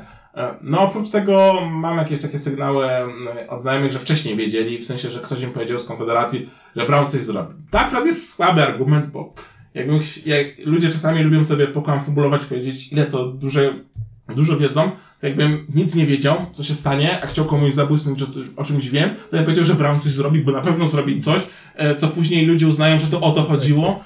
To, że akurat tym razem odwalił aż tak dużą akcję, e, to mógł być przypadek, to nie musiało być tak, że te osoby faktycznie o tym wiedziały. E, no ale są kolejne rzeczy, takie jak fakt, że są solidne przesłanki wskazujące na tym, że te zbiórki na Grzegorza Brauna wcale nie były spontaniczne. E, I że to nie było wcale tak, że spontanicznie ludzie się rzucili po 50 tysięcy na Grzegorza Brauna. Właśnie ja byłem cie- ciekaw, czy to, bo to E, było niewiarygodne dla mnie, że można e, tyle zebrać w tak krótkim czasie. jakby, e, Te zbiórki też zostały częściowo zatrzymane w No, ogóle. Tak, rzut, rzut, rzut, rzut, rzutka jest zatrzymana, no bo faktycznie są niezgodne z jej e, regulaminem. E, natomiast jest kwestia tego, że mm, jak popatrzymy na to, kto organizował te rzutki, to są ludzie, to były różne fundacje, stowarzyszenia, ale w których siedzą różni ludzie, między innymi jeden z posłów e, od Grzegorza Brauna. E, I generalnie to było tak, że to od razu między innymi posłowie Grzegorza Brauna. E, w, w Włodzimierz Skalik, taka w sumie najważniejsza obok Brauna osoba w, w Konfederacji Korony Polskiej, był osobą, która jako pierwsza od razu, w sensie te zbiórki były po prostu odpalone i były przygotowane osoby, które od razu wpłacały związane z Brownem. Jakby, jakby, no, można powiedzieć, szybko się zorganizowali w ogóle, ale też rzutki, cała ta akcja, pewne firmy wszystko przygotowane, jakby to w całości skłania mnie do e, przekonania, że to nie był spontaniczny czyn, tylko że oni wiedzieli, że e, Grzegorz e, Brown e, To, zrobi i zostanie to ukarany to potem. zrobi, albo przynajmniej wiedzieli, że Brown ma pomysł, że coś zrobi, bo czy wiedzieli? Na pewno nie wiedziała reszta kolegów jego z, z Konfederacji i też skoro, ja na to zwrócę uwagę, skoro Grzegorz Brown, jeżeli mam rację i Grzegorz Brown zrobił to w sposób zaplanowany i celowy, E, to pewnie też nieprzypadkowo zrobił to w momencie, kiedy Krzysztof Bosak prowadził e, obrady, co będzie ważne przy rozważaniu trzech hipotez, e, dlaczego mógł to zrobić. Bo hipotezy mam trzy. Pierwsza to jest taka, że Zanim może przejdziemy do tych e, hipotez, to też właśnie tutaj chciałam powiedzieć, że całkiem ciekawa e, teoria z tym, że to było zaplanowane. Jeśli rzeczywiście to było zaplanowane, to jest to jeszcze bardziej karygodne e, niż mogłoby się wydawać, bo w takim razie to nie jest ruch tylko jednego człowieka, ale większej liczby, która jest też e, ta liczba jest reprezentantami naszymi w jakiś e, sposób i na pewno będzie się to niosło jakimiś konsekwencjami, no i już się też e, poniosło konsekwencjami, bo Grzegorz Braun został e, ukarany, jest mu, m, tak naprawdę zostały na niego nałożone najwyższe kary, jeśli chodzi o e, dietę poseską. On w ciągu następnych kilku miesięcy e, straci chyba ponad 40 tysięcy złotych, znaczy nie musi tyle zapłacić, tyle nie dostanie. E, tak naprawdę. Nawet jakby w Konfederacji się to źle e, odbija. Konfederacja ma na pewno ciężki orzech do zgryzienia, biorąc pod uwagę, że bez Grzegorza Brauna i bez ludzi Grzegorza Brauna e, nie mieliby takiego znaczenia w Sejmie, bo koło z klubem by się pozamieniały i spadliby po prostu w rankingu pewnie do takich osób na poziomie Pawła Kukiza i kilku osób e, To przy jest ważne, nim. ważne choćby w debatach, z Tak. czas przydzielany nie jest identyczny. Właśnie, e, więc ma to jakby dla niej znaczenie. Pewnie też ze względu na to nie ukażą Grzegorza Brauna najsilniej jak się da, chociaż zastanawiam się, czy nie powinni. Na pewno też to negatywnie wpływa na obraz Konfederacji, bo i, e, Krzysztofowi Bosakowi całkiem jako temu wicemarszałkowi idzie. Przecież za nami całkiem niezłe wystąpienie Mencena, e, który się też odbija po tych ostatnich, po końcowo mm, różnych debatach i wystąpieniach wchodzi znowu jako ten charyzmatyczny. Konfederacja zaczęła się kreować jako ta merytoryczna opozycja, która podkreśla swoją odrębność od e, PiSu, że jednak oni są potrzebni w jakiś e, sposób w polskiej polityce, e, w polskim Sejmie, a tu nagle Grzegorz Braun. No nie zapominajmy, że jednak to nie jest pierwsze dowód e, i fakt, jakby pokazanie, że Grzegorz Braun no, nie powinien tak naprawdę być reprezentantem e, społeczeństwa. To nie jest pierwsza rzecz w jego wykonaniu, która jest karygodna, a jednak jest tą osobą, na którą Konfederacja się zgodziła, żeby kandydowała e, z list Konfederacji i to z jedynki. Tak, no ale ja bym wskazał jednak, że to jakby historycznie wycięcie takiej osoby, która była potrzebna na początku do rozpędzenia ruchu, także wykorzystując te osoby najbardziej skrajne, to, to, nie, to nie jest łatwa operacja. E, Kiedyś jedna osoba, nie wiem czy mówiła to publicznie, więc nie powiem e, kto to powiedział, E, może kiedyś, ja, ja, jak będę miał okazję spytać, to może, może kiedyś przyto, przytoczę, ale jedna osoba kiedyś mi powiedziała, że Grzegorz Braun dla Konfederacji jest trochę jak rak mózgu, to znaczy trzeba wyciąć, bo inaczej cię zabije, ale operacja też może być potencjalnie śmiertelna. E, więc e, jakby oczywiście jakby mówimy tutaj o politycznym znaczeniu politycznego życia, e, że- żeby też żadnych wątp- wątpliwości nie było. Do chorób przejdziemy jeszcze. tak, przejdziemy do chorób, no bo jednak no, jest to ta część naszego życia, która często na politykę wpływa. Natomiast dlaczego to Grzegorz Braun zrobił? Czy hipotezy? Pierwsza hipoteza, to znaczy to, że było to zaplanowane, nie znaczy, że to nie jest tak, że Grzegorz Braun po prostu tak uważa i po prostu stwierdził, że trzeba tak zrobić, bo on faktycznie wierzy w te satanistyczne e, żydowskie e, e, spiski. No. Może po prostu tak jest, że on w to wierzy i stwierdził, że tu trzeba się sprzeciwić i wjechać z tą gaśnicą. E, musielibyśmy być w głowie Grzegorza Brauna, żeby wiedzieć, na ile on wierzy w te rzeczy. Em, druga hipoteza e, to jest tak, że ja nie chcę mówić, że Grzegorz Braun jest rosyjskim agentem, bo jakbym miał na to dowody, to e, ABW i inne służby już by o tym wiedziały, by mnie przekazał. E, ale jednak są pewne argumenty wskazujące na tym, że to jest zgodne z e, e, celami rosyjskiego działania i też są jakieś tam poszlaki wskazujące na ewentualne e, kontakty, więc też całkowicie tego jako hipotezy z zastrzeżeniem, że nie twierdzę, że tak jest, e, bym nie porzucał. E, A trzecia hipoteza e, to jest hipoteza tego, że Grzegorz Braun potrzebuje po prostu bardzo efektownie wyjść z Konfederacji, e, bo albo czuje, że jego droga się tam w jakiś sposób kończy, być może czuje się pokrzywdzony za to, jak był traktowany w kampanii, że był spychany razem z Korwinem na margines, być może właśnie z Korwinem wolałbym dalej współpracować. Na potwierdzenie tej hipotezy y, muszę dodać, że Korwin w wywiadach, których udzielał po, po kampanii, zawsze mówił, że wycinano w kampanii mnie z Braunem. Tak, on bardzo Mnie mocno... z Braunem, z Braunem. Tak, jeszcze Korwin oczywiście, e, wiedząc, że to jest narracja, którą e, pewne środowiska podchwycą, zaczął mówić, że bo ja i Brown to nigdy byśmy z pisem nie poszli, a tamci to nie wiadomo. Nie na- tam ci, nie tam ci nie wiadomo, tam trwały rozmowy, to Tak. e, Michałowi Pocińskiemu powiedział wyraźnie, wyraźnie Korwin. Tak, więc, więc Korwin na trwały rozmowy, jakoś wtedy nie protestował. Oczywiście dopiero zaczął protestować, jak, e, jak go wyrzucili z partii, wtedy sobie przypomniał, że te rozmowy trwały. E, natomiast e, e, faktycznie e, między Korwinem i Brownem jest e, taka chemia. I też jak się posłucha osób, e, z takich e, szeroko pojętych środowisk e, e, medialnych, Najwyższy Czas, Votum FM. Generalnie są pewne środowiska takie, mm, e, takie bańkowe media, które w jakiś sposób ze skrajnych pozycji wspierały Konfederację, to one po pierwsze zawsze, one stanęły po stronie Korwina, a po drugie bardzo ciepło wypowiadały się o Grzegorzu Braunie że ten Grzegorz Braun głosował przeciwko wyrzuceniu Korwina, że on to jest jeden z- sprawiedliwy wśród tych e, zdradzieckich wiplerów świata, bo wipler jest generalnie obok Sławomira Mencena na tą pozycją, e, pozycją naj, naj, najbardziej, e, najbardziej taką atakowaną e, jako e, to zło ich zdaniem z pozycji Korwina czy Brauna, który ni- niszczy tą ich wymarzoną e, konfederację, e, która właśnie skupia się na takich akcjach, a nie na e, Obniżeniu podatków. tak, a nie na obniżeniu podatków. Więc jakby tutaj są pewne, pew, pewne przesłanki, że być może Grzegorz Braun właśnie po prostu efekt, zapewnił sobie efektowne wyjście z Konfederacji.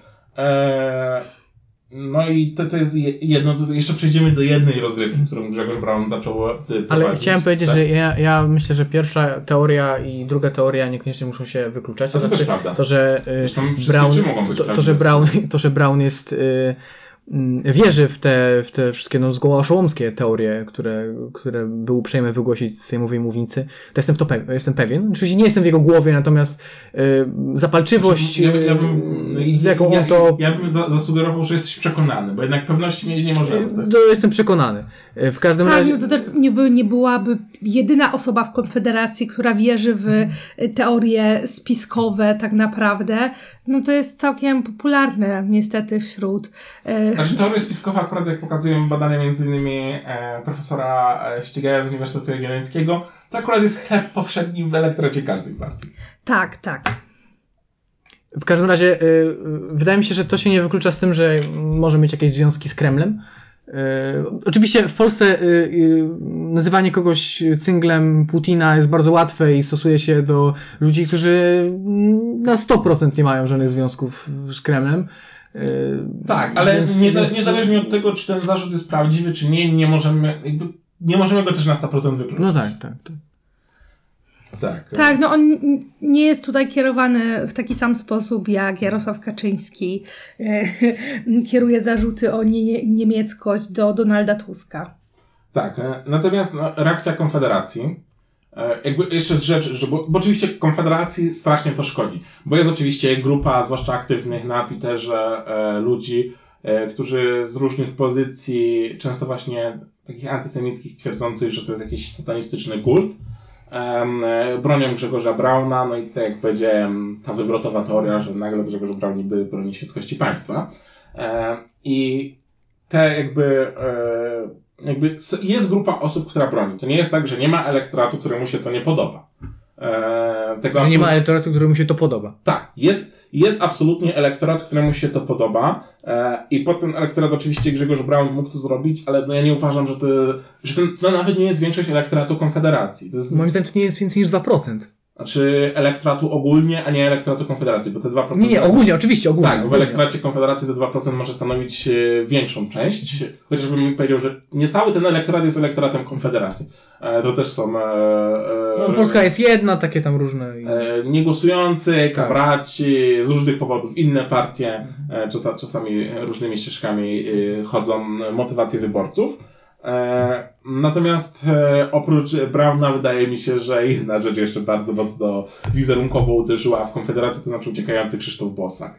E, Tak, no to się poniosło memicznie. tak, ale, ale, ale pewno. ta, taki mem Bosaka uciekającego przed dziennikarką e, e, szkodzi po prostu wizerunkowi e, bo widać było, że Bo Bosak zupełnie na początku nie wiedział. No i jeszcze jest sprawa tego, że Bosak miał się wstrzymać nad głosowaniem w, przy nałożeniu kary, o czym powiedział Szymon Hołownia, aczkolwiek ja widziałem na Twitterze Przemysław Wipler twierdził, że to jest nieprawda. E, Tak, zaznaczmy, że Bosak nie jest jedynym posłem, który ucieka przed dziennikarzami. Te takie dyskretne próby To- to- jakoś to ich ominięcia. Tak, to jest właściwie norma, tylko że chodzi o to, że tutaj się to Kontekst. poniosło i o kontekst. Gdyby to się nie poniosło też memicznie, e, gdyby nie powstały z tego TikToki i tak dalej, no to pewnie te przeróbki z tą kobietą z, Właśnie. skaka, skakającą e, po schodach i po, podpisałem, że Bosak, gdy pytasz go o prawdę.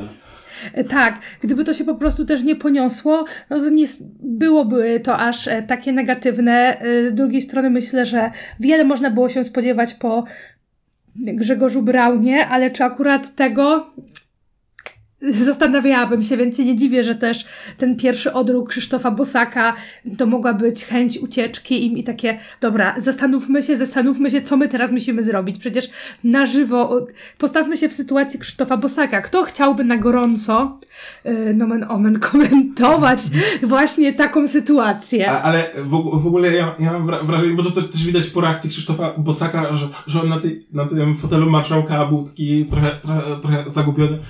Co tu się właśnie stało? Tak. Czy Grzegorz Braun naprawdę wziął gaśnicę, żeby zgasić jakąś świecę żydowską? Tak. Ja, ja, ja, mam wrażenie, że jemu tam, jak on był w fotelu marszałka, e, bo, bo to było trochę tak, że e, chyba, chyba poseł Zemaczyński wyszedł e, z wnioskiem, żeby przerwać w ogóle, żeby tutaj e, Brauna ukarać, e, a bo Brown przyszedł i powiedział, że on w trybie sprostowania wobec tego, co zostało powiedziane. No, no Bosak w takiej sytuacji właściwie, właściwie absolutnie powinien, każdy marszałek powinien go w, wpuścić, zwłaszcza w momencie, kiedy Bosak nie widział tego.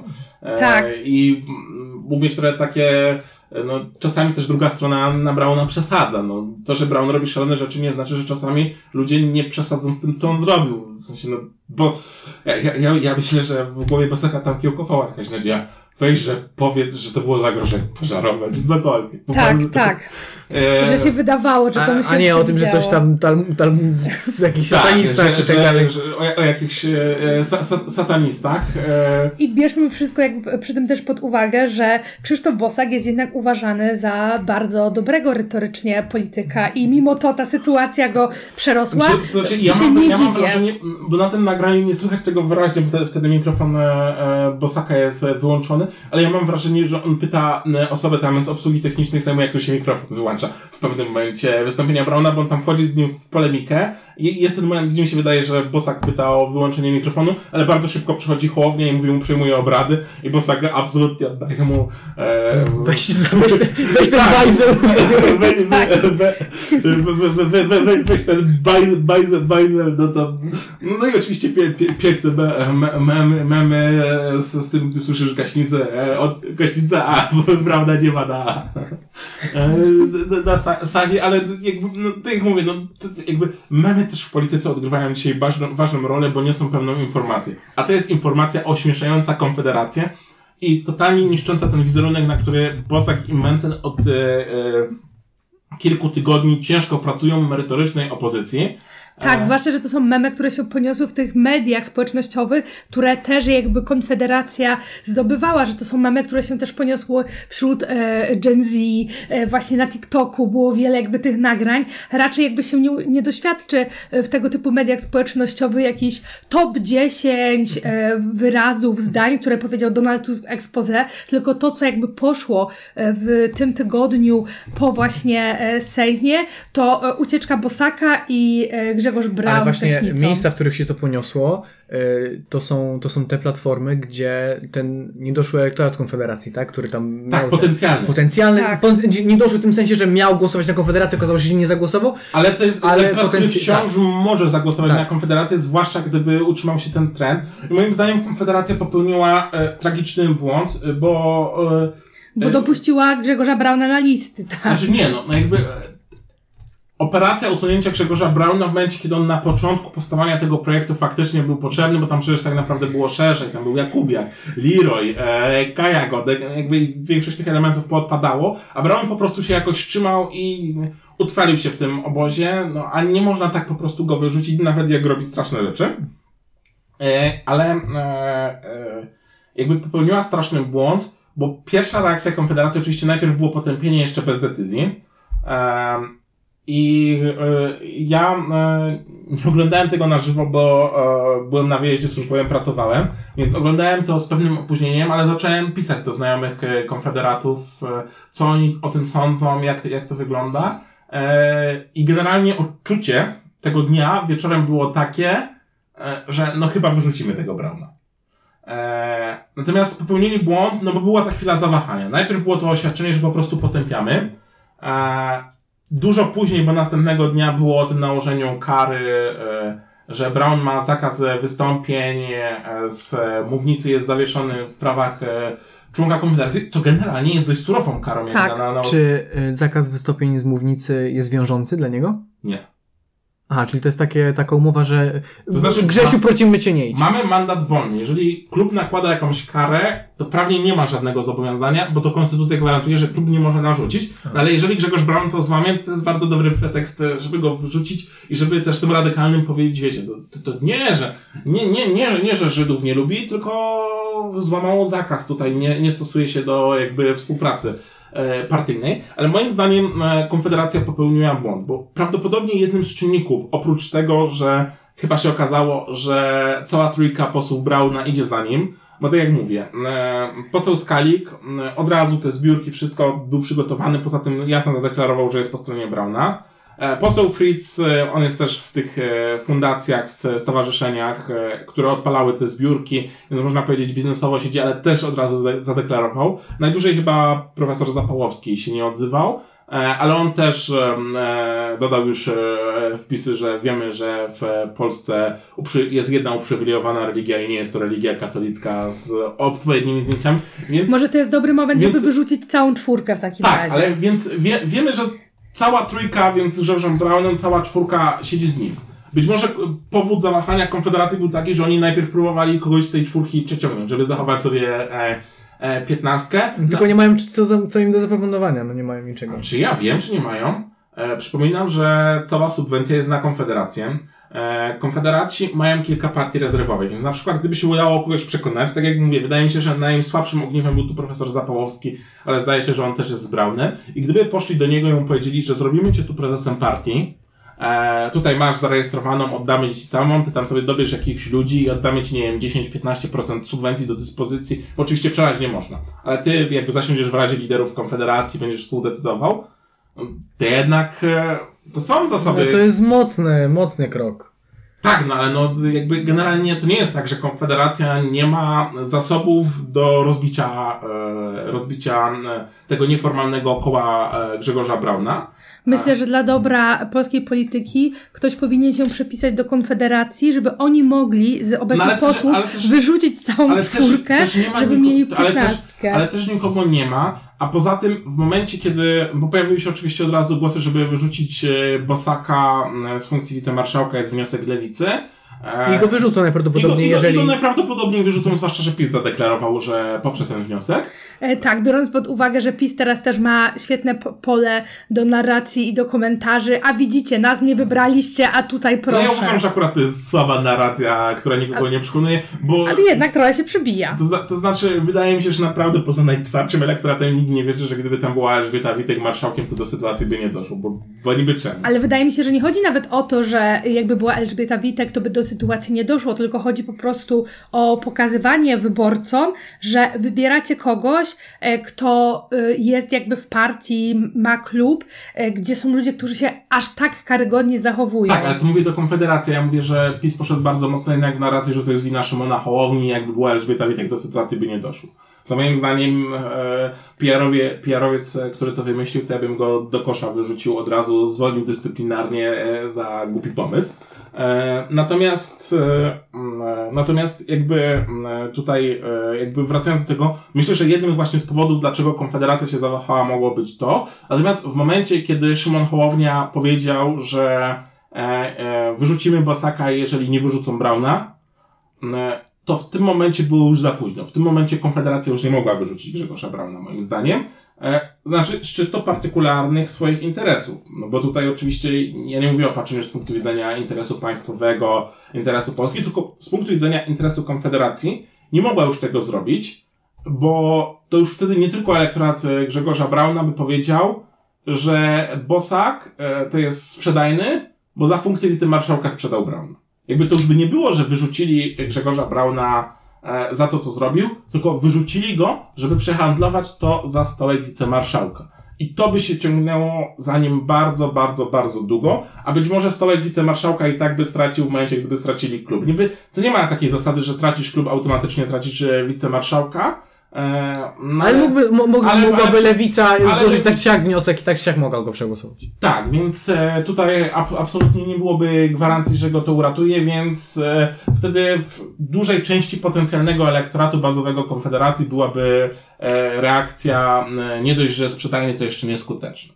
No, Krzysz, Krzysztof Bosak nie może sobie i też Konfederacja nie może sobie pozwolić na to, żeby poszła narracja, że oni wyrzucili Brauna za wicemarszałka Sejmu.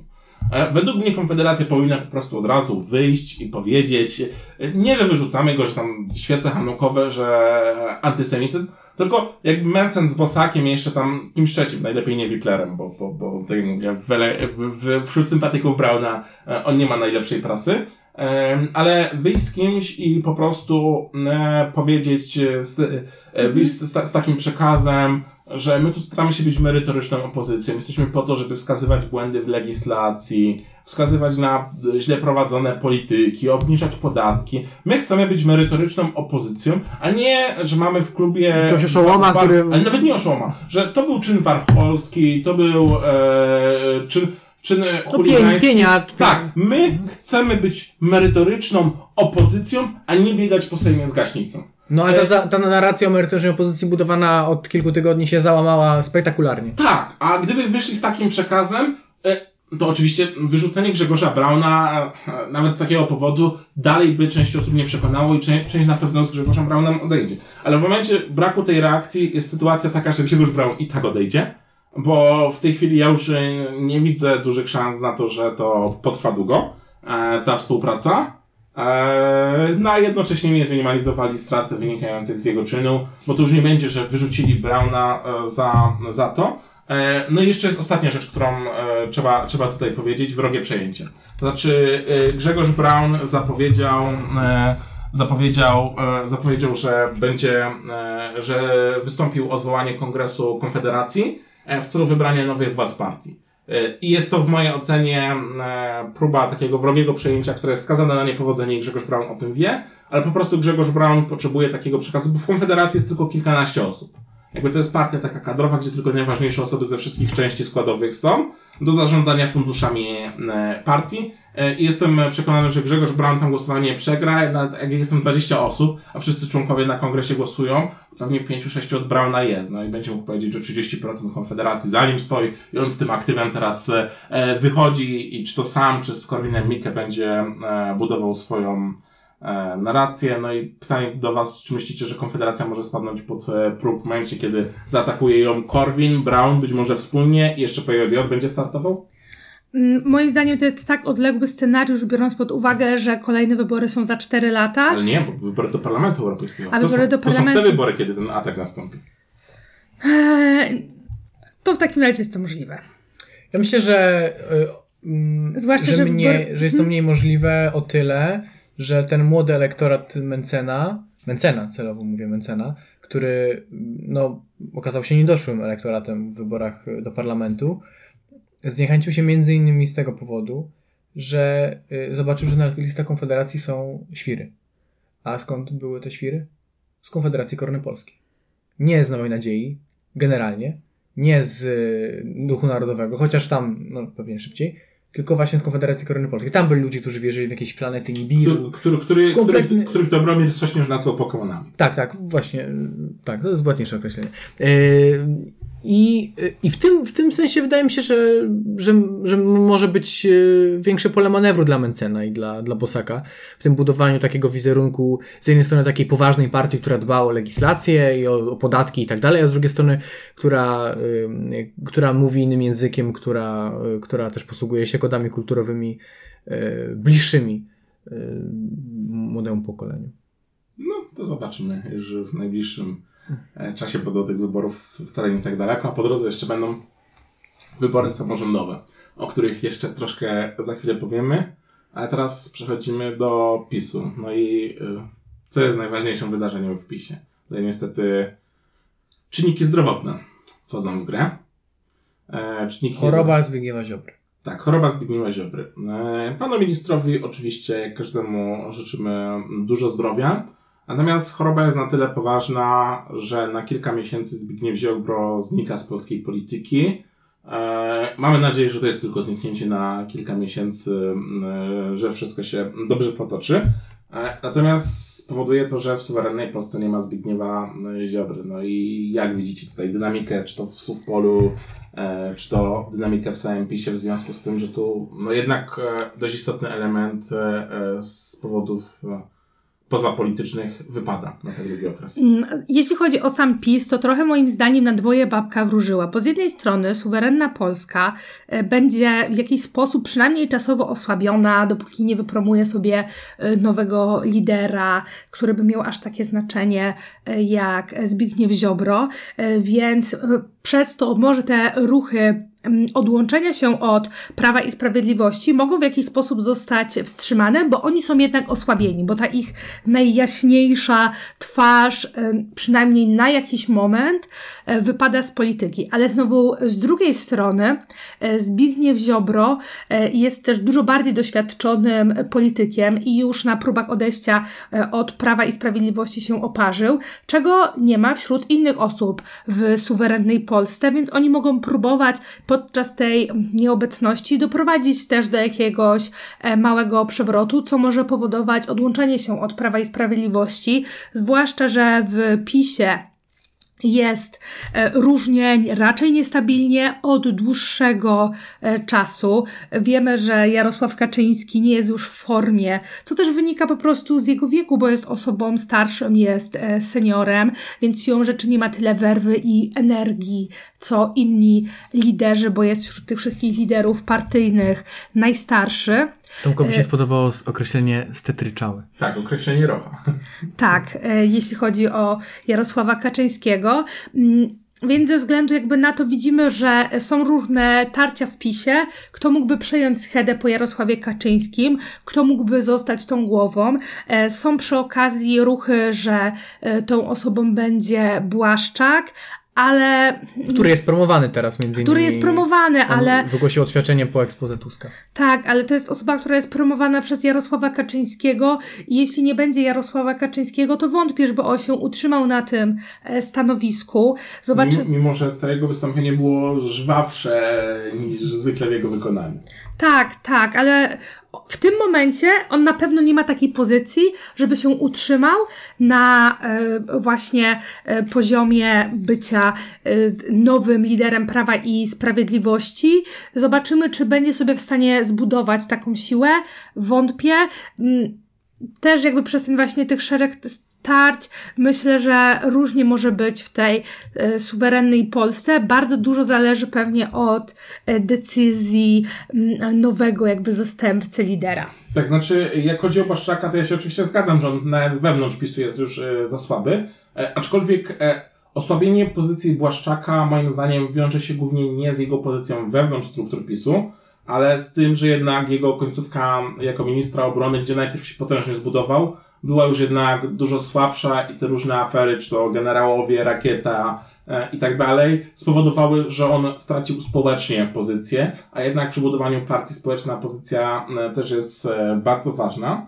E, no i też ja uważam, że tak naprawdę PiS, e, jeżeli chce się realnie odbudować, powinien już e, prezesowi Kaczyńskiemu podziękować. To już jest najwyższy czas na zmiany, bo A chociaż. kto miałby mu podziękować? No, PiS, tylko że to jak. Ale no, kto, kto miałby ten PiS? Wła- Właśnie, właśnie, właśnie nie, nie, wiem, kto tam odważny się znajdzie, żeby powiedzieć prezesowi, że e, panie prezesie, doceniamy e, geniusz, wielkie osiągnięcia, wspaniały e, umysł, e, ale... Wybitnego stratega, filozofa, Wy- polityki. Tak, można tam oczywiście jeszcze kilka komplementów e, dodać, e, ale już najwyższy czas, jakby, pana, pana czas już e, jakby tej największej świetno, świetno, świetności minął, także no nie ukrywajmy intelektualnie i jakby na zapleczu, jako doradca oczywiście pewnie byłby mile widziany, ale już e, to nie jest już ta bystrość umysłu, która pozwalała Jarosławowi Kaczyńskiemu przez no, ponad e, 30 lat e, być jednak jednym z najwybitniejszych strategów na polskiej scenie politycznej. E, Więc tutaj trzeba, trzeba docenić. Natomiast e, Nikt nie ma takiej pozycji w tym momencie w Prawie i Sprawiedliwości, żeby nawet jeśli e, się z tym zgadzają, żeby to powiedzieć. Tak, znaczy no, tak naprawdę Jarosław Kaczyński chyba musi sam dojść do tej decyzji. Pytanie, kiedy się o tym zorientuje, kie- kiedy zda sobie sprawę, że on w tej chwili jest jednym z największych obciążeń dla tej partii. E, Natomiast e, przy e, suwerennej Polsce, znaczy ja akurat z tym, że muszą wypromować lidera, to nie wiem, czy do końca się zgodzę, bo Patryk Jaki jednak ma pozycję, powiedziałbym, dość porównywalną, jeżeli chodzi o taką popularność społeczną do Zbigniewa Ziobry, nawet powiedziałbym, że chyba trochę większą. On ma mniejszy elektorat negatywny od Ziobry, wydaje mi się. Może mieć mniejszy elektorat negatywny, ale wydaje mi się, że nie jest na tyle popularny. Tak, summa summarum chyba rozpoznawalność ma mniejszą niż Tak. Ziobro. Wydaje, ale wydaje mi się, że to nie jest skrajna różnica, jednak ci młodzi liderzy Solidarnej Polski, zwłaszcza w prawie całym elektoracie, to są bardziej rozpoznawalni No, politycy. oni też y, w jakiś sposób się do tego Sejmu dostali, nie mieli dobrych miejsc, tak? Tak, Szczególnie tak. w 19 roku. E, No, powiedziałbym, że W tym, ale w tym chyba też nie mieli. no, w, ty, w, ty, w tym było jeszcze gorzej, jak oni zachowali swoje pozycje, kiedy po swoje PiSu, e, kiedy PiS jako całość stracił bardzo dużo. No i jakby tu oczywiście też są dwa nurty. Z jednej strony większość tych polityków, e, Patryk Jaki, Janusz Kowalski, Jan Kantak, Ozdoba, Warchoł, to wszystko są politycy jednak dużo młodsi. Więc z jednej strony oni powinni mieć więcej cierpliwości w oczekiwaniu na e, swój czas e, w PiSie, a z drugiej strony mamy tą buńczuczną, młodzieńczą ambicję wciąż jednak, jak na polityków, jak na polityków oni są młodzi, mają tą buńczuczność i to przekonanie, że jest ich czas. E, No ja to na- nawet porównałem, że tak jak e, e, pod chorążówka oni nie mieli tych doświadczeń, wywołując powstanie listopadowe, potęgi carskiej Rosji, którą mieli generałowie służący pod Napoleonem, tak Zbigniew Ziobro jest jedną z ostatnich osób, a przynajmniej z ostatnich, którzy mają taką pozycję, e, no bo jeszcze Beata Kempa e, była, e, była, była chyba w, od razu w tej, w tej grupie, ale ona nie ma takiej pozycji, a wszyscy inni, zwłaszcza po odejściu Tadeusza Cymańskiego, wszyscy, którzy wychodzili pierwotnie z Zbigniewem Ziobrą, już nie mają tej pozycji, to jest jednak młodsze pokolenie, nie mają tego doświadczenia, potęgi zmierzeniem się, zmierzenia się z pisem poza pisem. Oni mogą mieć to swoje przekonanie o swojej popularności osobistej, e, że PiS trochę stoi na glinianych nogach, jest osłabiony, więc że może to jest teraz, więc, e, więc sta- stawiam takie, ko- ko- kończę temat Solidarnej Polski takim pytaniem, czy Patryk Jaki będzie Piotrem Wysockim e, Solidarnej Polski? Cisza. Tak, cisza. Tak, no i chyba przechodzimy do dalszych partii. Tak, przechodzimy w takim razie do dalszych partii. Tutaj jestem też bardzo ciekawa Waszych opinii, jak e, Wy, drodzy słuchacze, drogie słuchaczki, myślicie o e, sytuacji e, Zbigniewa Ziobry, Patryka Jakiego i w ogóle e, PiSu. Dajcie nam znać. Tak, tak. Będziemy czekali na te komentarze, bo dzisiaj przewroty, powstania, wszy- wszystko, wszystko obecne w Pożary. poża pożary, podpalenia gaśnicą, więc, e, więc odci odcinek e, e, bardzo bogaty w tego typu treści. Przechodzimy dalej i chyba tak dość wyjątkowo troszkę łączymy w, łączymy koalicję 15 października w dwa bloki. Pierwszy to jest Koalicja Obywatelska i Lewica i powód, dla których łączymy ten blok Koalicji Obywatelsko-Lewicowy jest taki, że e, mm, udało nam się dowiedzieć, e, bo to też jeszcze publicznie zostało zakomunikowane, że na bardzo zaawansowanym etapie są e, rozmowy o wspólnym starcie do sejmików w całej Polsce e, tych formacji. Są już raczej na takim etapie, że wydaje się, e, że, że to już nie będzie innego scenariusza, że ten start się dokona, mimo że jeszcze formalnie umowy nie ma e, podpisanej. Mówimy najprawdopodobniej o Koalicji Obywatelskiej i o nowej lewicy. Yy, Tak, nie, wi- jesteśmy- nie wiadomo, nie- czy nie partia razem wchodzi. statusu partii razem, która mam wrażenie w ogóle... Sama nie jest pewna, co zrobić. To- I to nie tylko w, w kontekście Tak. tych e, wyborów samorządowych. Tak, partia razem, y, tutaj wychodzi jej taki publicystyczny temperament, y, czyli, czyli jednak zamiast robienia polityki to zastanawianie się, kreślenie scenariuszy i, i, i rozważanie wariantów. E, I to, to już dobrze obrazuje ich, ich stosunek do nowego rządu, tak? Z jednej strony poparli e, rząd. e, Ale nie do wchodzą, końca. nie wchodzą, właśnie, nie wchodząc na, na taką twardą ścieżkę opozycyjną, z drugiej strony uznali, że nie wejdą do tego rządu. Oczywiście Taka pytanie. opozycja Schrödingera. Tak, o, jako opozycja Schrödingera, przy czym no i jakby nie wydaje mi się, żeby ktokolwiek do tego rządu zapraszał, tak? To nie jest tak, że oni by tam jakikolwiek resort dostali. E, może dostaliby jakiegoś wiceministra, który mógłby no i działać na bardzo ograniczonym polu.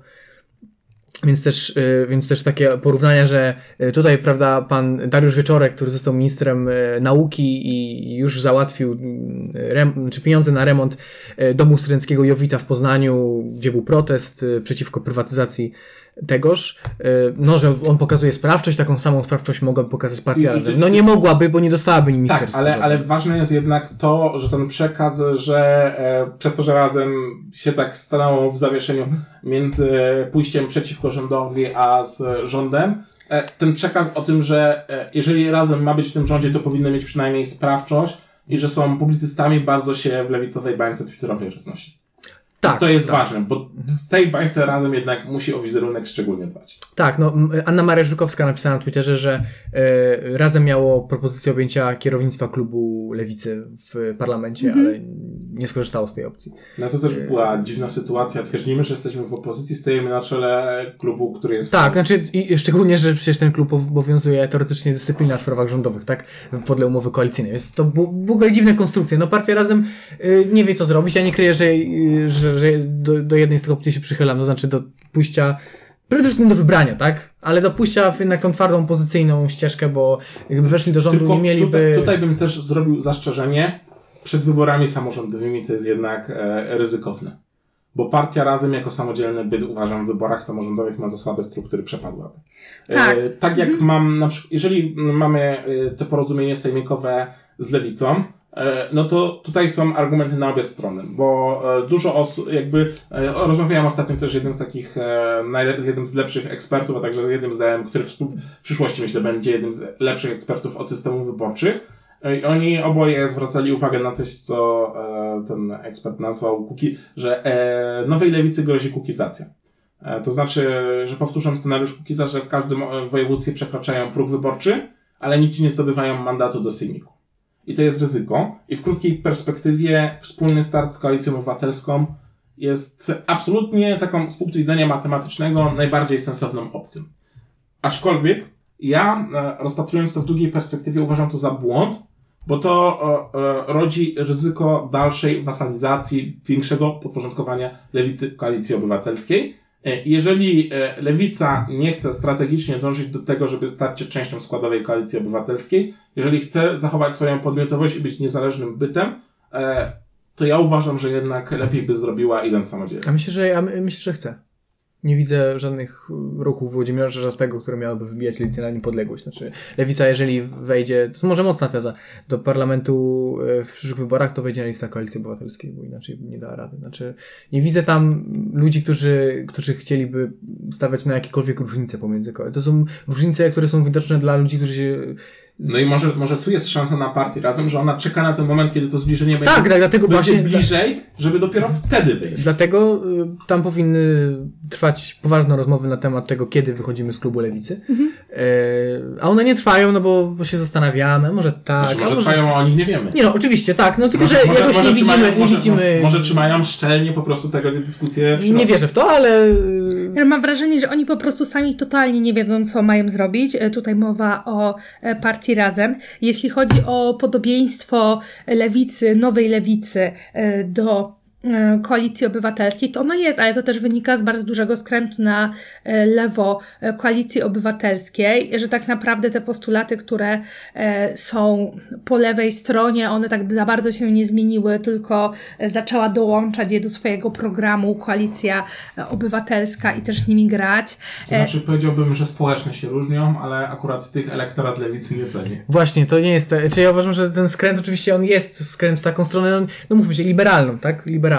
Tak. E, ale y, wydaje mi się, że tak jak Tomek powiedział, no, bardziej chodzi o to, że lewica nie jest lewicowa, no, że jakby nie No, ma... Zwłaszcza jej elektorat. Tak, a no, o, o, elektorat też w ogóle, tak? To tak jak nasz, nasz wspólny znajomy Jakub Dudek mówi, że to jest konfederacja LGBT i rzeczywiście pod kątem społecznym tak. Znaczy, to są ludzie, którzy tak myślą. Największy odsetek niechęci wobec 500 plus i innych programów społecznych jest w elektoracie lewicy.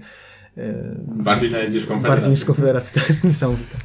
No i tutaj właśnie wchodzi ta partia Razem, która ona e, stara się być lewicowa na wszystkich e, poziomach E, i tak naprawdę tylko tutaj też można dostrzec jakieś próby lewicowego programu gospodarczego, tak stricte lewicowego, bo w przypadku Nowej Lewicy nie widzimy tego tak naprawdę. Mamy tam landlordów, którzy nie chcą płacić podatków za swoje wielkie dobytki, majątki, mieszkania, domy, które e, mają. Partia Razem na pewno ma też e, ciężki e, orzech do zgryzienia, co ma zrobić, bo muszą liczyć się z tym, że poza koalicją z lewicą mogą wypaść z Sejmu w przypadku przyszłych wyborów, w przypadku tych wyborów do samorządu i do Parlamentu Europejskiego. Samodzielnie też e, raczej nie mają co e, liczyć na e, sukces, jednak myślę, że długofalowo powinni podjąć tą decyzję, bo widać, że oni mają inne poglądy niż ta koalicja 15 października. Oni się z nią nie dogadują, dają jakby już teraz to znać, są w stanie się odróżnić w jakiś sposób. No i moim zdaniem, tak jak mamy tą prawą stronę najbardziej i jest nią Konfederacja, poza tym jest ta jedna duża partia bardziej po powiedzmy prawej stronie, czyli Prawo i Sprawiedliwość, tak widzę mm, odbicie tego po lewej stronie, gdzie mielibyśmy e, Platformę Obywatelską jako koalicję obywatelską, która mogłaby właśnie wchłonąć nową lewicę, wspólnie kandydować i to takie małe, około 5-6% odbicie najbardziej na lewo, czyli partię Razem, no i oczywiście tutaj na białym koniu Szymon Hołownia jako to centrum z PSL-em. Tak, no i ty, ty, ty, ty centrum na białym koniu chyba kończymy, trzecia droga. E, tutaj myślę, że najważniejsze rzeczy, jakie musimy po prostu wspomnieć, że właściwie Władysław Kośniak-Kamysz już otwarcie, publicznie i to z mównicy sejmowej mówi, że Szymon Hołownia może za dwa lata będzie prezydentem, e, jasno dając do zrozumienia, że PSL go poprze e, i że po raz e, pierwszy nie wystawi swojego kandydata na prezydenta. Więc e, to jest też takie dość e, e, istotne. No i też to też w mediach już od jakiegoś czasu politycy tych obu partii powtarzają, że w zasadzie umowy może nie ma, ale obie strony wiedzą i są przygotowane na to, że do sejmików też idą w wyborach samorządowych wspólnie. Jest I pewnie do wyborów do Parlamentu Europejskiego też pójdą. udane małżeństwo, radzą sobie z kryzysami. Zresztą nie ma ich wiele. Nie ma też wielu, już na, na tym etapie, nie ma wielu różnic pomiędzy PSL-em a Polską 2050. Oni są Znaczy programowo ja bym powiedział, że tam jest dużo momentów, na których to się Okej, powinno. ale no, nie są akcentowane w żaden sposób, nie? No jakby nie, nie, nie widzisz tego, dopóki nie przyjrzysz się programom. E, Więc, e, no więc, więc e, no, naturalny, no, naturalna konsekwencja e, wydarzeń. Znaczy nie, no bo ja na przykład jak mówiliśmy o aferze wiatrakowej, Oczywiście, E, PSL się nie podpisał, tak. E, jakby to jednak PSL-owcy nie bronili Henning Kloski z, tej, z, z tymi postulatami wiatrakowymi. Jednak też wskazywali na to takie bardziej rolnicze podejście. E, I wydaje mi się, że takich tematów jest więcej, no tylko, że one pewnie nie będą aż tak bardzo podnoszone.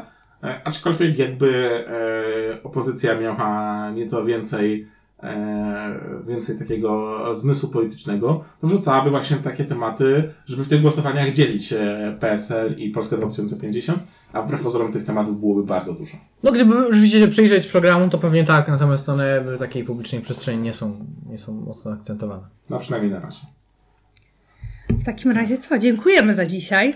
Tak, zapraszamy w przyszłym tygodniu, gdzie będzie taki troszkę specjalny odcinek, bo podsumowujący rok. Tak, e, jeszcze nie życzymy Wam e, wszystkiego dobrego na święta, bo mamy nadzieję, że uda nam się opublikować jeszcze przed świętami Bożego Narodzenia jeden ostatni odcinek e, w tym roku z różnymi topkami właśnie mijającego roku pod kątem politycznym. I z tej strony żegnają Was i serdecznie pozdrawiają Agata Kępa. Tomasz Synowiec. I rok Zygmunt. Do zobaczenia i usłyszenia.